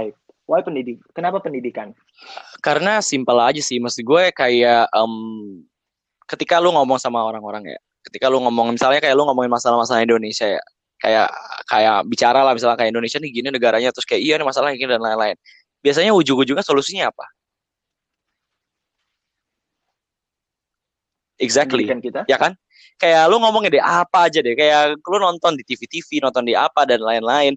Misalnya ada ahli yang diundang terus habis itu apa dan lain-lain gitu kan. Terus habis itu kayak mereka bilang masalah apa pun gitu ya. Masalah macet kayak masalah ini kayak LGBT kayak apa kayak ini kayak tau gak sih kayak ujung-ujungnya mereka bakal bilang kayak iya ini semua kuncinya di pendidikan. Ya kan? Tapi eh, apa namanya kayak kayak semua orang bilang kuncinya di pendidikan kuncinya di pendidikan. Tapi kenapa mas pendidikan kita tuh nggak bener-bener Padahal kayak lu tanya ke semua orang Indonesia juga mereka pasti percaya pendidikan tuh penting. Tapi kayak kok kenapa? Kenapa kita kenapa ini kita semua secara kolektif menganggap pendidikan itu prioritas, tapi sampai sekarang pendidikan kita tuh masih masih ngawur gitu loh. Masih nggak bener. Nah itu yang pengen gue cari Hmm. tahu. Gitu. Jadi that's why gue mau ikut Indonesia mengajar ini gitu karena gue percaya kayak apa namanya untuk bisa tahu masalahnya di mana ya harus terjun langsung gitu loh. Tau gak sih? Kayak kayak ya education itu emang bener emang eh, apa bener-bener kayak fondasi yang paling penting dari society gitu kan. Eh, tapi kenapa fondasi kayak kit- kita tuh nggak niat bikin fondasi ini gitu loh. Padahal kita semua tahu kita semua percaya bahwa kayak kita lagi bikin rumah nih kita kita rame-rame lagi mau bangun rumah kita kan kalau kita ini rame-rame kita pengen dong rumah kita itu aman kan ya nggak sih? Mesti rumah kita sta- stabil gitu kan Nah, tapi kenapa kita kok nggak bikin pondasi yang bagus? Kenapa pondasinya masih jelek gitu? Kenapa kita mencelakakan diri kita sendiri gitu kan? Nah, itu yang istilahnya gue pengen cari tahu gitu. Uh, dan so far kayak dari dari pengalaman di Mhm. sana kayak uh, uh, what are the apa ya what are the lessons atau key takeaways yang menurut lo kayak benar-benar berdampak banget antara kayak kualitas pendidikan yang bagus sama kualitas pendidikan yang pertama yang yang gua yang yang ini ya yang paling krusial adalah orang-orang yang jalanin sih. Yaitu lebih spesifik lagi kepala sekolah dan Hmm. guru. Gitu. Eh, apa ini gue mau bicara realita aja ya. Kayak I don't wanna su- sugarcoat things. Gue nggak mau kayak ngomong yang manis-manis gimana. Emang realita kenyataannya gini Eh, faktanya adalah kayak di desa gue aja nih desa tempat gue ngajar itu tuh guru cuma tiga termasuk gue. Lu bayangin guru cuma tiga termasuk gue iya itu termasuk gue loh termasuk gue. Jadi kalau gue cabut tinggal dua tuh guru yang terdaftar. Gitu itu guru apa guru kontrak ya bukan guru honorer gitu guru kontrak. Eh, apa namanya eh, jadi bahkan beberapa kali gue juga sempat ngajar itu gue sendirian ngajar kelas 1 sampai kelas 6 gitu dan itu aja tuh udah terhitung bagus. Ada sekolah-sekolah lain di apa kecamatan Yapen Utara atau bahkan kayak di apa namanya di di Kabupaten Kepulauan Yapen ini yang nggak ada gurunya sama sekali itu juga ada. Gitu saking nggak ada jadi kayak ada satu desa yang punya sekolah tapi nggak ada gurunya.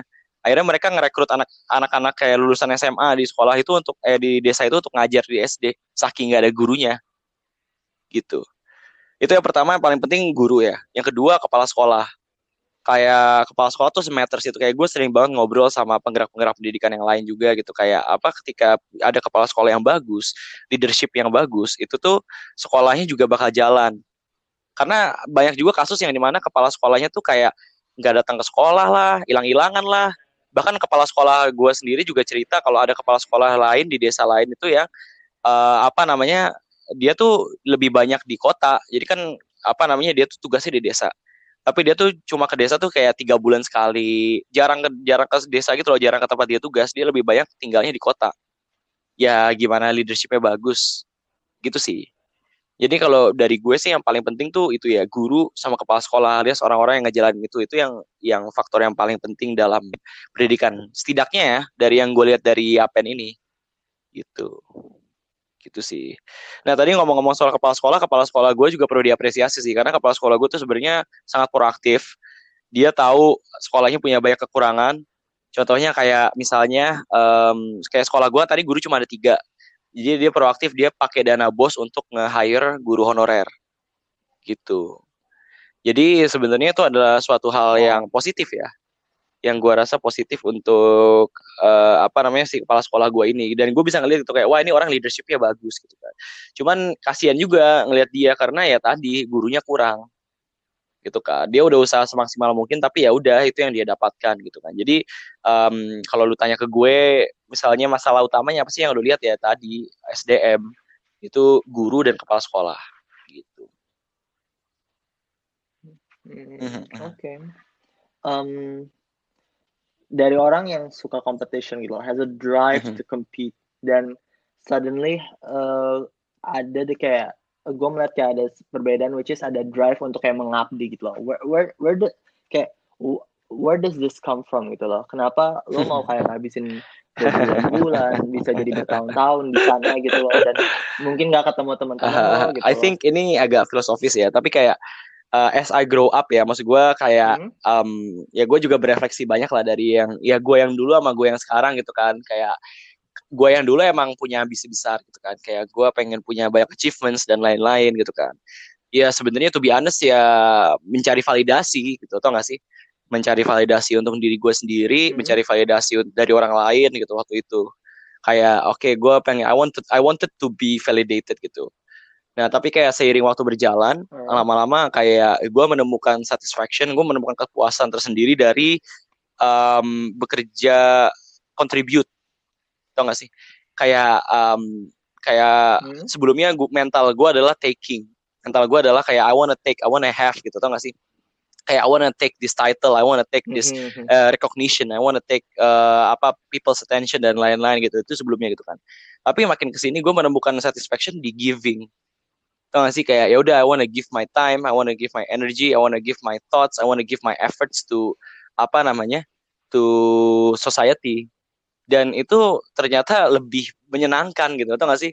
Lebih membahagiakan dibanding taking taking taking. Gitu. Jadi kayak um, makin ke sini tuh gue ngerasa kayak wow ternyata kayak gini tuh hidup yang kayak gini tuh hidup yang apa namanya menyenangkan juga gitu. Tau gak sih dan ini bukan gue kayak suatu hal yang gue pelajari juga dari banyak orang yang gue temui ya kayak banyak banget peng, apa kayak orang-orang yang yang di sini yang gue temukan kayak mereka bener-bener ngajar tanpa pamrih tau gak sih? Yang sebenarnya kalau mereka mau menang award dan Hmm. lain-lain gue yakin mereka pasti bisa menang award lah gitu gak sih? Kayak, kayak wah gila sih pengabdiannya dan lain-lain. Tapi kayak ya udah they don't care.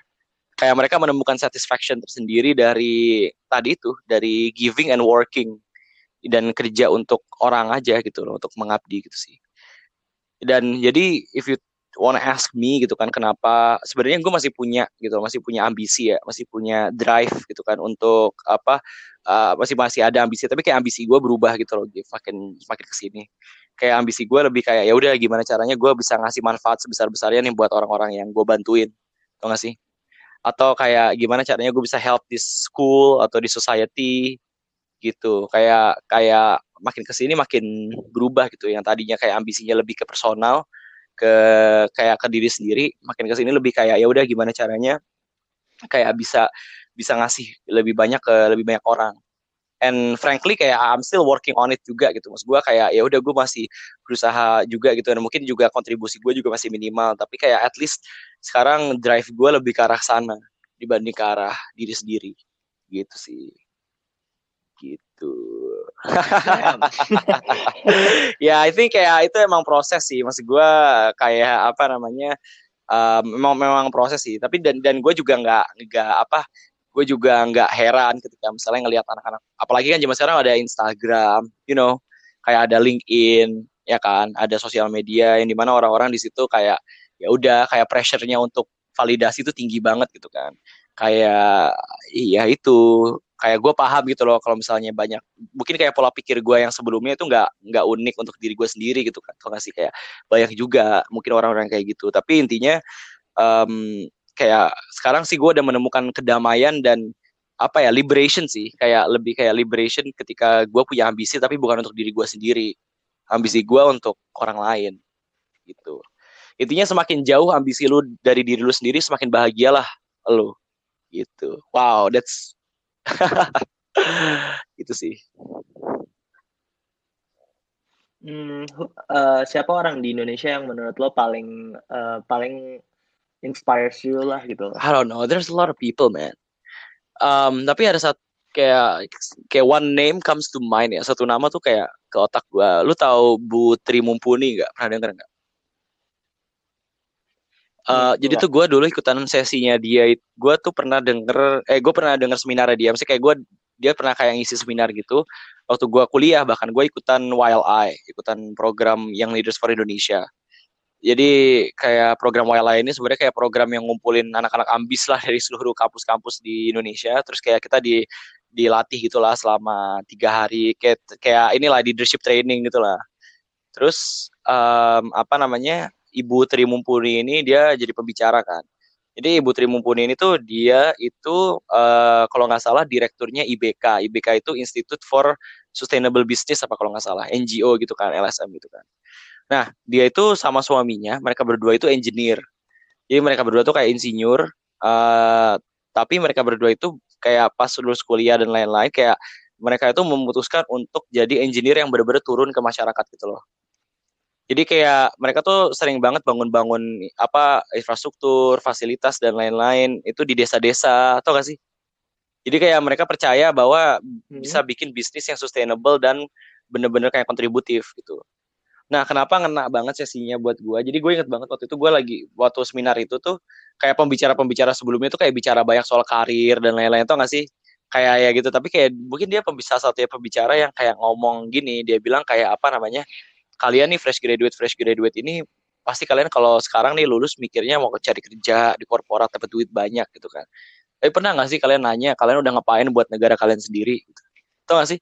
Itu ngena banget coy. Dan abis itu kayak kita nyanyi Indonesia Raya gitu loh. Dan gue nangis sih. Gue nangis sesenggukan gitu. Tau gak sih? Kayak kayak kayak ya gue lihat gitu loh. Oh, kayak gue ngelihat dia. Masalah dia ngomong kayak gitu nggak cuma sekedar ngomong, tapi dia emang beneran udah literally membangun bangsa gitu loh. Dia udah literally turun ke desa, eh, daerah-daerah terpencil untuk bikin fasilitas dan lain-lain gitu kan. Dia benar-benar menggunakan ilmunya itu untuk orang-orang yang butuh ilmu gitu kan. Dan dan itu tuh kayak menurut gue kayak inspiring banget gitu. Tau gak sih kayak orang-orang yang um, punya ilmu dan ilmunya tuh diaplikasikan ke mereka yang sangat membutuhkan. Gitu jadi kayak wow itu sih yang bikin salah satu motivasi gue juga kalau misalnya gue mau ikutan IM dan lain-lain juga mungkin terdorong dari dia juga gitu. Hmm, ya. oke. Em, apakah itu yang juga kayak se kayak nge- ngebuat lo tergerak untuk bikin ya gotong ya royong exactly. juga? Right. Atau kayak atau ad- ya hmm, sebenarnya waktu Um, can you talk uh, can you talk about uh, sure sure royong dan uh, Ya, sure, your sure. juga? Jadi waktu itu Hmm. sebenarnya gue um, waktu dat ke sesinya Butri Mumpuni itu emang pas lagi gue lagi lagi konsepin gotong royong itu sama temen gue kan. Pas banget lah. Jadi momentumnya pas gitu kan. Kayak oke, let's do this gitu kan. Um, ya udah akhirnya gue apa namanya? Gue pun ya dari situlah gue terinspirasi untuk oke, gue lulus kuliah, um, gue set waktu. Jadi ini gue sendiri kayak set waktu uh, dua tahun dua tahun pertama setelah gue lulus kuliah gue tuh mau masa-masa eksperimen dulu. Jadi kayak apa namanya gue mau nyoba-nyoba hal-hal yang gila hal-hal yang nekat dan lain-lain. Tuh nggak sih? Em, selama dua tahun nanti kalau udah dua tahun lewat baru gue akan lebih settle gitu. Termasuk salah satunya IM juga gitu. Jadi kayak kan gue lulus 2019 awal kan gitu. Jadi kayak oke sampai 2021 awal nih gue mau nyoba-nyoba hal-hal gila termasuk waktu itu bikin gotong royong gitu. Kayak orang lain kan mungkin lulus kuliah langsung cari kerja atau gimana kayak cari kan- kantor gitu kan dan lain tapi kayak ya udah gue nekat nih bangun ini. Dan kebetulan alhamdulillah waktu itu kita juga dapat funding kan dari Kemenistek Dikti gitu kan. Jadi kayak ya udah why not? Kita coba aja. Gitu kan. Ya udah eh, jadi asal mulanya sih dari situ sebenarnya. Gitu. What, what is gotong royong actually about? Eh, it- sekarang sih udah berubah ya kayak kayak waktu itu sih dulu sih kita dulu tuh gue tuh pengen bikin itu kayak gue pengen bikin platform. Gue sama temen gue kami tuh pengen bikin platform untuk untuk bisa bikin orang yang nggak punya duit tuh bisa ikutan donasi gitu loh tau gak sih? Kayak even if you don't if you don't have money you Hmm. can help gitu loh you can donate gitu loh. Jadi awalnya sih dari situ jadi kita bikin kayak situs yang di mana lu bisa nonton iklan dan setiap kali nonton iklan eh, lu ngedonate. As simple as that gitu loh dan waktu itu waktu pertama kali kita bikin itu kayak lumayan banget receptionnya dan ternyata orang-orang pada suka. Dan ya alhamdulillah sih bersyukur banget tuh kita sampai diundang sama Basnas segala press conference lah sampai mm, ya lumayan lah waktu itu taking off-nya gitu kan. Eh, tapi sekarang sih mungkin udah berubah karena frankly sekarang yang megang bukan gua lagi kan karena gua ikutan IM jadi yang megang teman gue si Lutfi gitu kan. Hmm. Uh, sekarang sih kita lebih fokus ke tetap ke apa donasi uang tanpa uang tapi kita bikin produk namanya tap for donation. Jadi ini sekalian gue promo kali ya. Jadi kayak tap for donation itu kayak lu lu Boleh. tuh apa namanya kalau misalnya lu buka Google Chrome browser itu kan lu biasanya new tab kan ya kan? Nah kita tuh bikin new tab itu jadi kayak ada plugin new tab itu kayak ngedisplay iklan dan setiap kali lu nge-new apa nge-new tab itu don apa hasil uang dari iklan itu akan didonasiin jadi kayak kebayang gak lu setiap kali lu new tab lu donasi. Walaupun kecil ya tapi kayak new tab new tab new tab kayak satu hari lu bisa berapa kali new tab ya kan? Dan if you kayak lu hitung-hitung kayak satu Hmm. bulan gitu lu make gitu kan new tab new tab new tab kayak setiap kali lu buka tab baru lu bikin donasi mungkin donasinya kecil cuma kayak lima rupiah kah dua rupiah tiga rupiah tapi kayak still gitu kan kayak semakin lama. Jadi kayak kita mau bikin lu tuh bisa berdonasi tanpa lu mikir gitu loh. Tau gak sih? Istilahnya gitu Hmm. kayak lu sedekah gak usah mikir juga lu udah sedekah gitu tau gak sih kayak gitu gitu Hmm. Tapi menarik sih jatuhnya jadi kayak jadi ibaratnya tuh eh, lo instead of trying to force people eh, ngelakuin hal yang baru, mending lo buat semacam kayak Right. interference di eh, di habit yang udah biasa orang lakuin dan setelah itu itu malah ngebuat mereka jadi yang kayak oh ya udah kayak emang jadi something Right, unconscious gitu nggak exactly, sih? exactly. Makanya jadi kita tuh bikin produk itu sebenarnya juga berangkat dari situ, gitu sih. Frankly, eh gue pun juga sebenarnya ada rencana juga balik dari yang ini gue mau ngembangin itu lagi, gitu sih. Cuman memang masih eh masih gue masih gue pikirin juga lah ntar konsepnya gimana, gitu. Tapi intinya buat Tap for Donation ini kita udah jalan, Hmm. udah lumayan lama gitu kan. Jadi I think kayak apa namanya uh, apa iya lu juga bisa lah download nanti cari aja gitu gotong royong tap for donation di apa Google plugin store. Jadi intinya uh, ya tadi itu kita berusaha buat bikin orang yang gak punya uang pun juga bisa ikutan donasi gitu. Gitu sih. Sebenarnya ini sih Gif ini tuh berangkat gue tuh waktu itu bikin gotong royong ini pas gue lagi kuliah akhir-akhir kan dan ini tuh berangkat dari ke, ke kesalahan bukan kesal sih tapi kayak gue tuh jengkel gitu loh sama mahasiswa Indonesia gitu loh tau gak sih? Ini kan kita ngomongin kuliah juga ya. Jadi waktu Oke. itu uh, waktu gue tahun 2017 akhir atau 2000, ah, 2018 awal gue ketemu teman gue orang Singapura kan. Anak NTU gitu anak NTU dan dia tuh cerita ke gue bahwa di NTU itu uh, apa namanya banyak uh, mahasiswa itu bikin project sama profesornya itu. Kayak project-project tuh kayak bikin alat pengkompos gitu. Tuh ngasih alat pengkompos? Teknologi-teknologi gitulah. Kayak alat pengkompos yang cepet dan lain-lain. Pokoknya innovations lah. Inovasi-inovasi gitu kan. Dan yang bikin gue apa yang bikin gue yang bikin gue terbelalak adalah pas dia bilang ini. Iya nanti pas produknya udah jadi mau kita kirim ke Indonesia ke Myanmar Vietnam ke negara-negara sekitar. Terus gue kayak wow. Kayak wow masalah-masalah Indonesia yang mecahin mahasiswa Singapura gitu. Tau gak sih? Dan gue tuh kayak nggak tahu ya ini gue kayak agak sebel aja gitu loh ngelihat kayak kenapa kita mahasiswa Indonesia kok lebih fokus ke yang ini mungkin over generalisir banget ya kayak tapi banyak yang lebih fokus ke demo atau gak sih? Ya. atau ke apa ya gitu gitulah gitu kan. Hmm. kayak kenapa nggak ada mahasiswa yang berusaha buat bikin breakthrough atau innovation yang beneran nyelesain masalah di masyarakat? Ya ada gue yakin ada gitu kan. Tapi kayak ya gue pengen jadi salah satu dari orang-orang itu. Walaupun itu waktu itu gue cuma punya waktu satu tahun terakhir untuk kuliah tapi kayak "Ya udah gue pengen lah di tahun terakhir kuliah gue kuliah gue mau bikin ini gitu. Ya udah akhirnya gue bikin itu. Itu deh ceritanya. Itu Hmm, tapi apakah kayak sebenarnya berarti kan ini kayak berangkat juga dari kekesalan lo yang kayak ini kenapa jadi malah orang-orang yang nyelesain masalah Ya. kita? Seakan-akan kayak kita nggak bisa exactly. ya betul ya ya itu sih kayak ya kenapa kenapa Um, Enggak, gue kayak kepikiran aja, eh, kepikiran aja gitu loh kayak eh, dan ini dan ini nyangkut juga sama yang kayak kemarin gue bilang tentang BEM kan gitu. Gue Aha. merasa kayak jadinya eh, kayak the way that we conceptualize our BEM gitu loh, our, eh, our student eh, student body gitu, kayak mungkin perlu diubah se sepanjang zaman Betul, juga. gue setuju sih. Kayak ya ini ide gue untuk BEM ya. Jujur kayak waktu itu gue juga ngerasa BEM itu kayak udah ketinggalan zaman banget gitu kan. Karena BEM itu kan institusi yang dibikin pas lagi reformasi, ya kan. Sementara waktu itu emang waktu zaman kayak Hmm. pola pikirnya tuh zaman dulu adalah kalau misalnya lu bukan government atau lu bukan institution yang besar, lu nggak punya resource untuk mengubah banyak hal di society gitu kan, tau gak sih? Kayak pola pikirnya kayak gitu kan. Jadi ya udah um, yang bisa lu lakukan adalah lu menuntut yang punya power atau yang punya resource untuk bikin perubahan, ya kan? Makanya dulu kayak mahasiswa-mahasiswa tuh kayak demo dan lain-lain karena mereka tahu yang punya power nih government gitu kan. Sementara kayak zaman sekarang, kayak zaman sekarang lu tuh sebenarnya udah ada smartphone, udah ada gadget, udah ada laptop lah dan lain-lain. Kayak basically kita tuh udah bisa gerak sendiri tanpa kita harus nuntut-nuntut government gitu loh untuk bikin perubahan. Tau gak sih? Nah, menurut gue mindsetnya kayak gini nih yang perlu lebih banyak ditanemin gitu. Itu yang pertama. Terus yang kedua, em, yang gue lihat juga kayak apa namanya BEM itu tuh menurut gue mengalienasi em, stakeholder yang paling penting yaitu mahasiswa itu sendiri. Menurut gue ya, kayak kayak contohnya nih kayak misalnya kayak anak mahasiswa mahasiswa sekarang kayak apa sih sebenarnya concernnya anak-anak kuliahan zaman sekarang gitu kan? Kayak mungkin mereka concern lebih kayak ke arah masalah karir lah mereka nanti mau kerja gimana lah dan lain-lain job seeking gitu kan. Dan itu kayak jarang gitu loh diadres sama BEM masalah kayak gimana caranya kita tuh mempersiapkan diri supaya kita bisa kuliah lah dan lain-lain gitu. Padahal itu kan kayak concernnya setiap mahasiswa gitu.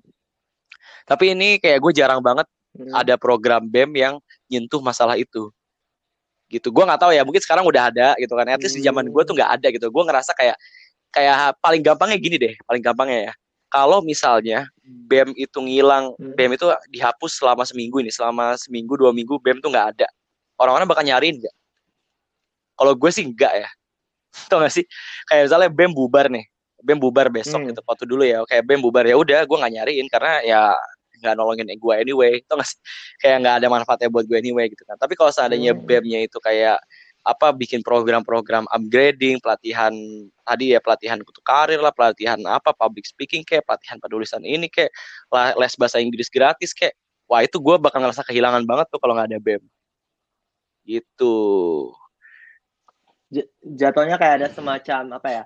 Ibarat value exchange antara antara produk which is proker yang dikasih sama target yeah. customer which is civitasnya dari sebuah fakultas itu kayak bisa jadi uh, kemis betul si betul. Gue ngerasanya gitu sih. Gue ngerasa kadang-kadang BEM itu nggak nggak mengadres apa um, mereka yang benar-benar kayak stakeholder paling paling pentingnya gitu kan. Makanya gue inget banget ada temen gue dulu uh, dia uh, ketua BEM Visip tahun 2018 Fuad namanya jadi hal kayak waktu itu dia waktu lagi mau maju untuk campaign kayak kita ngobrol bareng gitu kan ya udah kita brainstorm banget bareng. Terus gue bilang ke dia gue bilang exactly the same thing. Gue bilang kayak at um, apa namanya bem itu nggak ngebahas masalah-masalah yang penting.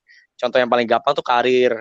Kayak kayak sebelum-sebelumnya tuh mungkin BEM FISIP bikin banyak kegiatan-kegiatan kayak apa mungkin oke okay lah kegiatan seni dan lain-lain. Tapi kayak ada kayak menurut gue isu karir itu adalah isu yang universal gitu loh ya nggak sih kayak kayak menurut gue semua mahasiswa tuh hmm. pasti bakalan bakalan concern ke karir gitu kan. Bakalan concern ke kayak oke okay, selanjutnya gue mau ngapain ya? gitu. Tau gak sih? Nah itu tuh justru nggak diadres gitu isu yang lebih universal gitu kan. Nah itu gue bilang ke dia coba lalu bikin lah kayak program networking lah ke alumni atau gimana dan lain-lain.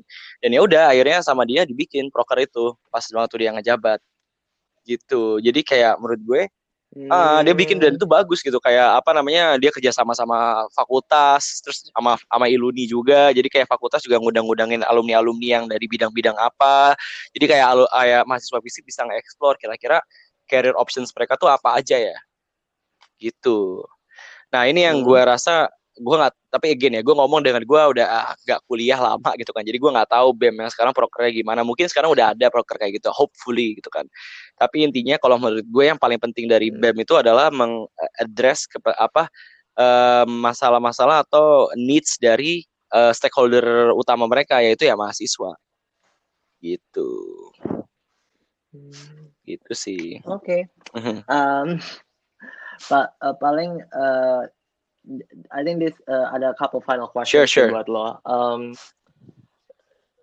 I think what I what I wanna ask you is that kayak waktu itu kita pernah bahas tentang uh, relationships dan hubungan hubungan sosial dan mm-hmm, lain-lain mm -hmm. gitu loh. Kayak lo lo, lo ngerasa gak sih kayak misalkan uh, lo tuh orangnya sangat ambisius whether it's for achievement atau kayak uh, atau kayak finding fulfillment in your life gitu. Mm -hmm. Terus uh, jadi kayak jadi kayak oh my jadi kayak kemis kadang nongkrong sama temen-temennya atau atau kayak misalkan punya hubungan yang lain gitu loh kayak pernah gak sih ada kayak perasaan-perasaan kayak gitu ketika lo lagi in the midst of achieving everything that you want? Ya gitu? pernah sih sebenarnya sebenarnya ini dari salah satu sobat gue juga ya. Uh, dia pernah bilang kayak gini apa hmm. namanya dia pernah bilang kayak gini kayak apa uh, ke gue dia bilang uh, gue gue suka deh sama kayak gue sedang deh sama Radian yang 2019 gitu. Karena gue nggak suka sama Radian yang 2017 dia bilang gitu. Intinya 2017 tuh gue lagi ambi-ambinya kan karena gue lagi maju mapres lah dan lain-lain gitu kan. Tapi kalau buat gue sih masalahnya mungkin bukan bukan ke waktu ya. Kalau ke gue sih mungkin kayak karena kalau terlalu ya tadi itu sih ini kembali lagi ke ambition is not a bad word ya. Ambition is uh, ambition itu a neutral word itu kayak kata yang netral. Tergantung kita mau nempatin itu ke mana. Tau gak sih? Kayak kalau misalnya lu udah nih kayak lu udah hmm. nikah hmm. nih lu punya istri. Terus lu punya ambisi besar untuk bikin istri lu bahagia. It's a good thing kan? Ya nggak sih? Maksudnya kayak iya kayak gue hmm. kayak punya ambisi. Atau kayak misalnya lu punya anak. Ya lu punya ambisi besar supaya anak lu ini bisa sekolah yang bener pendidikannya bagus gitu. Which is a good thing. Gitu kan jadi I think kayak punya ambisi itu nggak masalah, tapi kita harus tahu juga menempatkannya ke mana. Gitu. Uh, kalau dari gue ya, kayak sekarang sih jujur gue lebih banyak invest waktu ke relationship emang. Kayak dibanding sebelumnya, sebelumnya gue lebih banyak invest waktu kayak ya udah ke self development dan lain. Tapi kayak gue juga mulai invest waktu ke relationship dan makin ke sini makin penting untuk bisa apa ya invest waktu ke orang-orang yang ya udah yang yang matters gitu loh, tau gak sih? Kayak penting banget gitu loh apalagi hmm. navigating lu lulus kuliah itu menurut gue penting banget lu punya dua tiga empat orang lah yang lu pegang terus apalagi sekarang kan udah ada WhatsApp call tau gak sih udah ada udah ada maksudnya kayak udah Hmm. udah ada teknologi yang bisa bikin lu gampang berkomunikasi sama mereka kapan pun yang lu mau kan kayak lu nggak harus nunggu mereka yang nggak harus ketemuan atau nongkrong gitu loh. Kalau emang nggak bisa ya ya bisa zoom call kayak sekarang lah zaman zaman pandemi gitu. Jadi kayak I think penting banget untuk punya eh, sahabat-sahabat deket dan lu jaga terus gitu loh hubungan sama mereka. Gitu sih. Gitu. Kayak honest Hmm, eh, honestly gue oke. juga kadang-kadang juga sering ngerasa kayak eh, lost apa kayak lost touch sama beberapa orang. Tapi kayak kayak ketika lu kehilangan kontak sama orang sebenarnya itu bisa diselesaikan dengan one WhatsApp call gitu loh tau gak sih kayak kemarin gue sempet tuh ada temen gue Hmm. kayak udah temen MUN gue udah lama banget gue nggak kontakan sama dia. Akhirnya gue bikin janjian gitu kan eh kita teleponan nih WhatsApp call gitu kan. Ya udah akhirnya kita ending up kita ngobrol 6 jam coy. Kayak kayak gila gak sih? Ya udah gue ngobrol 6 jam sama dia kayak udah lama banget gue nggak ngobrol kan. Jadi ya udah kita ngobrol lama gitu. jadi kayak I think eh, sebenarnya apa namanya we can always have the option to reach out and uh, apa eh, strengthen our relationships gitu Hmm, Gitu Oke. sih. Mhm. Eh, terus eh, si ASEAN ASEAN Youth Oh, eh, ini duta muda ASEAN ASEAN Youth duta muda ASEAN. Ya. What is it dan kenapa kenapa penting untuk Indonesia dan yang, dan yang ketiga adalah Oh my god. Oke, Kemenlu is watching me right now. Oke, terus terus. dan kayak eh, ibaratnya kayak eh, emang sebenarnya peran sejauh ini peran kita tuh gimana sih? Soalnya kayak eh, mungkin gue tau lah kita salah satu si salah satu Right. pendirinya gitu loh. But untuk sekarang kayak per- peran kita tuh Oke, apa oke, kita gitu? ngomongin apa dulu? Duta Muda ASEAN itu sendiri ya. Iya, sebenarnya Duta Muda ASEAN itu kayak eh, fungsinya adalah mengenalkan ASEAN ke masyarakat Indonesia sih. Simple as that sih, yang gue tangkap ya. Kayak emang ini emang programnya Kemenlu untuk mengenalkan eh, ASEAN untuk Indonesia gitu kan. Ya udah, jadi gue sama teman-teman gue 20 orang ini kita sama-sama duta tuh semuanya 20 orang. Kan biasanya kalau misalnya program kayak acara-acara duta-duta gitu kan kayak yang yang jadi duta cuma satu gitu kan. Tapi em, kita semua rame-rame nih duta semua nih 20 orang gitu kan. Terus kayak ya udah kita eh, apa namanya eh, berusaha untuk em, basically memperkenalkan ASEAN lah ya ke Indonesia gitu sih. Dan dan eh, apa emang selama ini approach-nya lebih ke arah approach-approach online campaign dan lain-lain gitu sih. Ya karena pandemi juga ya. Sebenarnya tadinya kami tuh mau bikin acara, gue pun juga tadinya sebenarnya gue punya rencana mau bikin kayak acara sosialisasi tentang ASEAN gitu di Papua sama temen gue yang orang duta muda juga yang orang Papua gitu kan. Kayak kita mau bikin program bareng. Tapi ternyata gara-gara pandemi ya semuanya berubah lah gitu kan. Gitu sih. Jadi kita emang lebih banyak ke online campaign untuk saat ini. Kayak kita pun juga lagi bikin podcast kemarin. Kayak kemarin gue juga habis ngisi podcast juga kan. Jadi kayak ya udah gitu sih. Tapi eh, ke pertanyaan kedua lu ya mengenai peran Indonesia di ASEAN ya. Honestly emang gimana ya? Emang em, em, mungkin banyak orang yang mikir kayak ASEAN tuh gunanya apa sih? Gitu. Iya nggak sih? Lu juga mikir gitu nggak sih? Kayak iya kan? Iya Ya, kan, maksudnya kayak gue pun juga sering dulu gue juga sering mikir gitu. Dulu gue mikir kayak sebenarnya ada ASEAN tuh untuk apa sih gitu kan. Tapi akhirnya gue nyadar gitu loh. Yang paling penting ya fungsi yang paling pertama ya, yang kita nih kayak hidden blessing yang kita nggak pernah sadari sampai hari ini. Lu nyadar nggak dari pertama kali ASEAN terbentuk tahun 67 kalau lu baca sejarah sampai hari ini nggak pernah ada perang di Asia Tenggara. Nggak ada, nggak ada perang. Wow. I I did not Exactly. Exactly. Orang tuh nggak notice itu. Menurut gue itu adalah fungsi yang paling krusial dari ASEAN. Gak ada perang gitu. Ada ada konflik. Bener ada konflik gitu kan. Kayak kalau lo lihat baca-baca ada konflik antara beberapa negara ASEAN. Eh, tapi itu konfliknya kayak konflik perbatasan gitu loh. Bukan kayak full on war declaration kayak perang gitu enggak. Kenapa ya ASEAN itu sebenarnya ada forum yang mencegah mencegah terjadinya peperangan dan mempromot peace gitu. Dan itu kayak suatu hal yang menurut gue sangat krusial sebenarnya, sangat blessing gitu. Cuman kita aja nggak nyadar. Kita terlalu take it for granted gitu loh. Tahu gak sih? Kayak terlalu ya udahlah ya slow Mhm. gitu kan. Kayak kayak kayak kita take it for granted selama ini kita punya rumah yang aman gitu loh. Kayak apa namanya? Kita nggak nyadar betapa berharganya sebenarnya gitu kan punya rumah yang aman itu. gitu. Jadi itu sebenarnya fungsi yang paling penting dari ASEAN ya menurut gue ya, yang paling nyata gitu kan. Terus yang kedua, yang lainnya ya mungkin lu bisa ngelihat kayak sekarang kita bisa keliling negara-negara ASEAN nggak pakai visa, ya kan? Kayak lu bisa ke Hmm. apa ke Thailand ke Vietnam dan lain nggak pakai visa. Itu kayak berdasarkan apa namanya em, itu kayak berdasarkan polisinya mereka. Dan yang paling penting juga adalah kayak barang-barang yang kita pakai sekarang kayak dengan adanya ASEAN dengan adanya masyarakat ekonomi ASEAN lah re- apa Asian apa regional economic eh, community lah. Itu tuh eh, kita tuh sekarang kayak barang-barang kayak banyak banget barang-barang kita tuh sebenarnya impor-imporan cuy dan karena adanya perjanjian kesepakatan-kesepakatan internasional itu eh, harga-harga yang barang-barang impor dan lain-lain itu bisa lebih murah dan perdagangan antar negara tuh bisa lebih murah. Itu mungkin nggak kita tuh nggak akan nyadar sampai kalau misalnya tiba-tiba ASEAN dihapuskan bisa aja nih lu ke supermarket lu minyak goreng harganya naik kayak dari tadinya lima ribu jadi sepuluh ribu. Gitu. Again itu hidden blessing. Hmm. itu hidden blessing yang kita nggak nyadar gitu loh.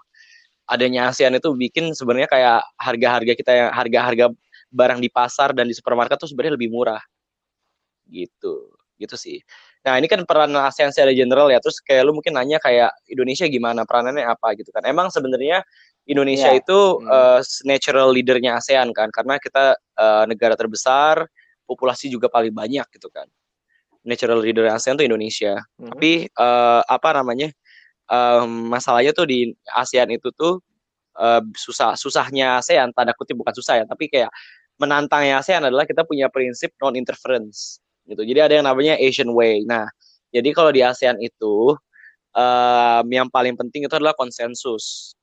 Jadi kalau misalnya ada suatu masalah nih ada suatu masalah terus abis itu masalah ini apa namanya satu negara aja nggak mau ngebahas masalah ini ya udah nggak akan dibahas masalah itu. Gitu jadi misalnya kayak uh, kalau be- itulah bedanya ASEAN sama PBB. Kalau di PBB nih misalnya ada perang di suatu negara atau ada konflik, pasti bisa dibawa ke forum, bisa disuarakan, terus kita bisa nge-vote kan. Hmm. Kayak kita mau oke, kayak we should take action gitu. Kita harus take action dan ketika kita mau ngambil keputusan, keputusan itu kayak kita bisa voting dan misalnya kayak hasil votingnya 70% lawan 30% kita akan take decision gitu kan. Tapi di ASEAN itu untuk suatu keputusan itu bisa dijalankan itu harus 100%. Harus konsensus. Nah, itulah yang bikin leadership di ASEAN tuh jadi ribet. Karena lu harus pleasing other countries gitu loh. Dan itu juga yang bikin orang-orang apa negara-negara ASEAN itu nggak ada yang berani untuk mengadres masalah secara langsung. Gitu. Contohnya yang paling konkret ya, Oke. Rohingya. Rohingya itu kan masalah yang regional ya. Maksudnya kayak kita orang Indonesia kan pada pada ini kan peduli lah terus pada pada mengkritisi rezim Myanmar gitu kan. Terus mungkin lu nanya kan kenapa ASEAN nggak ngapa-ngapain tuh lihat tuh orang Rohingya di apa di, di diskriminasi kayak gitu kan. Karena dalam forum ASEAN itu ketika kita Hmm. ngomongin Rohingya pasti negara apa delegasi Myanmar bakal nggak setuju, nggak suka ngomongin hal itu. Gitu loh. Maksudnya itu bukan masalah itu kayak dan akhirnya mereka pasti nggak setuju ketika nggak setuju nggak konsensus. Ya udah akhirnya masalah tersebut nggak bisa dibahas gitu loh karena terlalu Hmm. menyinggung negara tersebut gitu. Jadi eh, intinya Ah, jadi, kayak mereka saling jaga perasaan lah gitu. Kayak khas banget Asia Tenggara lah, gak sih? Pen- apa ngejaga perasaan tuh lebih penting dibanding menyelesaikan masalah kadang-kadang. Tuh. Gitu. Oke. Eh, tapi kalau gitu apa ya? Tapi terus kalau gitu gimana eh, gimana caranya kita bisa kayak eh, kalau misalkan eh, kita jadi kayak ngejaga perasaan gitu dan eh, kalau menurut lo kayak how do you how do we kayak approach the how can we approach the problem from that framework gitu? Ya itu frankly it's um, it's the challenge of diplomacy sih. Maksudnya uh, ya itu seninya diplomasi di situ gitu kan. Kayak misalnya ya lu nggak boleh nyinggung perasaan tapi ya tentunya bisa lewat cara-cara lain gitu kan. Mungkin cara-cara apa namanya kayak kemarin tuh uh, ke Menteri Bu Retno itu tuh uh, Menteri Luar Negeri kita tuh kayak kalau nggak salah Menteri Luar Negeri satu-satunya yang diizinkan untuk masuk ke Myanmar dan ngelihat Rohingya. Seingat gue ya. Ini kalau nggak salah ya. Ya, kalau kalau nggak salah ya, kalau nggak salah gini kayak kayak need to check again. Oke. Tapi kalau nggak salah tuh kayak Indonesia tuh negara satu-satunya negara yang di, diizinkan lah sama Myanmar gitu. Dan menurut gue den- dengan cara-cara kayak gitu, emang it's a very slow slow process gitu loh. Kayak nggak cepet gitu. Tapi emang yang namanya negosiasi dan diplomasi itu emang bukan proses yang cepet gitu. Itu butuh waktu, butuh apa? Ya butuh waktu lama gitu kan. Bahkan ya, ini banyak banyak orang nggak tahu ya. Dari Hmm. apa kesepakatan pertama ASEAN itu berdiri sampai ASEAN itu punya ADART ya, punya charter, punya piagam sendiri. Itu tuh butuh waktu 41 tahun, coy. 41 tahun. Jadi Iya, jadi ASEAN itu uh, berdiri kan uh, deklarasi Bangkok, deklarasi Bangkok itu tahun 1967 gitu kan. Ya pokoknya um, deklarasi Hmm. Bangkok itu, terus habis itu setelah deklarasi Bangkok um, baru ada e- charter piagam ASEAN itu tahun 2008. Itu tuh 41 tahun, lu bayangin dong, 41 tahun sampai ADART-nya jadi. Gitu. Nah, jadi kayak sebenarnya expecting apa ya changes from ASEAN untuk datang cepat itu kayak berharap apa ya kayak berharap lu bisa pergi dari Papua ke Jakarta nyampe dengan cepat pakai perahu dayung gitu tau gak sih? Karena emang lamban gitu ya, emang prosesnya lamban gitu. Jadi kalau menurut gue eh, ASEAN itu tuh kalau kita nggak bisa memang secara apa de facto nggak bisa mengharapkan perubahan-perubahan atau kayak ya langkah-langkah drastis untuk diharapkan datang dari ASEAN. Tapi eh, kita bisa mengharapkan dari ASEAN itu adanya confidence lah, mutual confidence antara satu sama lain. Dan itu menurut gue udah lumayan cukup lah. Gitu. Kayak kita bisa nggak perang sama Malaysia, Filipina, Singapura itu it's more than enough gitu. Nggak ada perangnya tuh ada suatu hal pencapaian besar loh. Gitu. It- It's a blessing, It's a indeed. blessing. Yes. Oke, um, there's this waktu gue pergi ke uh, waktu gue jadi delegasi buat yang uh, di ban di dari Right. lab school gitu loh bareng Mhm. teman-teman gue gitu dan kita ke, kita ke kedutaan besar Indonesia kan gitu Mhm. loh, di sana Hmm.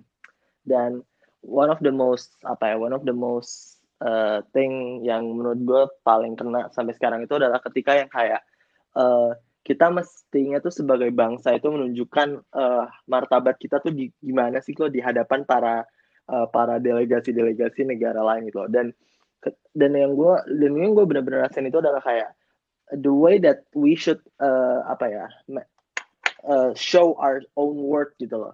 Kayak sebagai bangsa tuh kayak kita tuh Indonesia, kita tuh gini gini Mhm. gini gitu loh. Dan itu ngebuat gue sampai yang kayak wow gila loh kayak gue nggak pernah apa ya kayak gue nggak pernah nggak pernah ngerasa kayak jadi orang Indo tuh harus sepercaya diri Mhm, itu jadi orang jadi orang yang jadi orang sebuah negara tuh harus sebangga itu sama Mhm. negara lo gitu loh dan kayak dan gue kadang kayak ngerasa gitu kayak di hadapan dunia internasional tuh kadang kita suka kayak minder yang akhirnya malah Mhm. membuat kita jadi nggak Mhm. dipeduliin dan makanya tadi yang kayak misalkan tadi lo cerita yang Mhm. soal film terus yang tau tau kayak si eh, si guru itu lo kayak ngomong ehm, lihat nih kita kita ketinggalan jauh dari anak-anak Indonesia dalam soal film know, know. Gitu kan maksudnya kayak the- kayak that notion di mana yang kayak di, ma- eh, di mata eh, di mata orang lain gitu loh kayak Indonesia tuh bisa eh, Indonesia bisa jadi sebagus Right. itu dan I don't know kayak menurut lo kayak gimana gimana sih kayak kita tuh sebagai anak Indonesia gitu loh how should we present ourselves to to each other and to Ya, the world ya. gitu loh Um, honestly, um, gue sering ngerasa ini gak cuma di anak Indonesia doang ya. Ini waktu gue AFS. Waktu gue AFS itu kan banyak negara-negara lain juga kan. Ada yang dari Afrika, ada yang dari Jepang, ada yang dari macam-macam negara lah, banyak negara gitu kan. Ya gak sih? Um, menurut gue, kenapa, dan gak cuma orang Indonesia ya, tapi banyak orang-orang dari negara berkembang itu suka nggak pede ketika ketemu sama orang negara maju. Gitu kan, tau gak sih? kayak negara-negara yang terkenal lah gitu kayak ya Amerika, Italia, Inggris dan lain-lain gitu. Tau gak sih kayak vibes-nya beda loh. Ketika misalnya lu lagi satu forum terus habis itu ada orang Italia, ada orang Inggris, ada orang Amerika, ada orang yang negara-negara terkenal sama mungkin kayak orang-orang dari negara-negara yang kurang terkenal gitu. Tau gak sih? Kayak waktu awal-awal ketemu tuh sebenarnya kayak ada perasaan yang berbeda ketika lu datang dari negara yang bahkan mereka sendiri mungkin nggak tahu kayak Indonesia tuh di mana tau gak sih? ketika lu bilang I'm from Indonesia mereka cuma kayak oh that's cool tapi ya udah that's cool doang ya sebenarnya mereka nggak tahu Indonesia itu di mana gitu kan cuman one thing ya one thing yang perlu um, kita percaya diri terhadap orang Indonesia. Orang Indonesia itu sebenarnya kayak ramah dan dan dan ramahnya itu sebenarnya langka loh. Gitu. Kayak sadar nggak sih kita tuh orangnya tuh kita orang kita tuh orang Indonesia tuh sebenarnya jenaka. Kayak kita suka bercanda ketawa-tawa ya nggak sih? Kayak kita tuh suka lah bercanda lah ketawa-tawa. Abis itu kita juga suka apa namanya hmm, apa kita juga suka eh, ngobrol suka bercengkrama gitu kan Eh, dan itu adalah menurut gua suatu suatu hal yang perlu kita tonjolkan gitu loh ketika kita berada di forum internasional gitu kan ya entah lu atau entah siapa pun yang ngedengar podcast ini kalau suatu nanti di forum internasional kayak uh, yang perlu kita tunjukkan tuh itu kita adalah bangsa yang ramah gitu. Mungkin kita bukan bangsa yang paling kuat ya. Mungkin kita bukan bangsa superpower yang punya senjata paling besar atau ekonomi paling kuat, tapi kita bangsa yang ramah gitu. Kita bangsa yang senang untuk bercengkrama dan kita senang membuat suasana jadi hangat. Nah, itu yang perlu kita tekankan sebagai orang Indonesia. Gitu. Kayak gue pun juga dulu waktu gue di Amerika ya, ini contoh kecil aja sih, kecil aja. Kayak waktu gue di Amerika dulu, waktu gue di kelas kayak gue belajar di kelas matematika gitu gue tuh kayak ya udah gue sering aja nyeletuk nyeletuk apa bikin jokes jokes gitu dan ya udah bikin orang-orang pada ketawa basically kayak gue membawa sense of humor Indonesia gue ke Amerika gitu tau gak sih dan ternyata mereka seneng gitu jadi kayak I think itu adalah suatu hal yang positif dari bangsa kita gitu dari bangsa Indonesia gitu bahwa uh, kita tuh orangnya ramah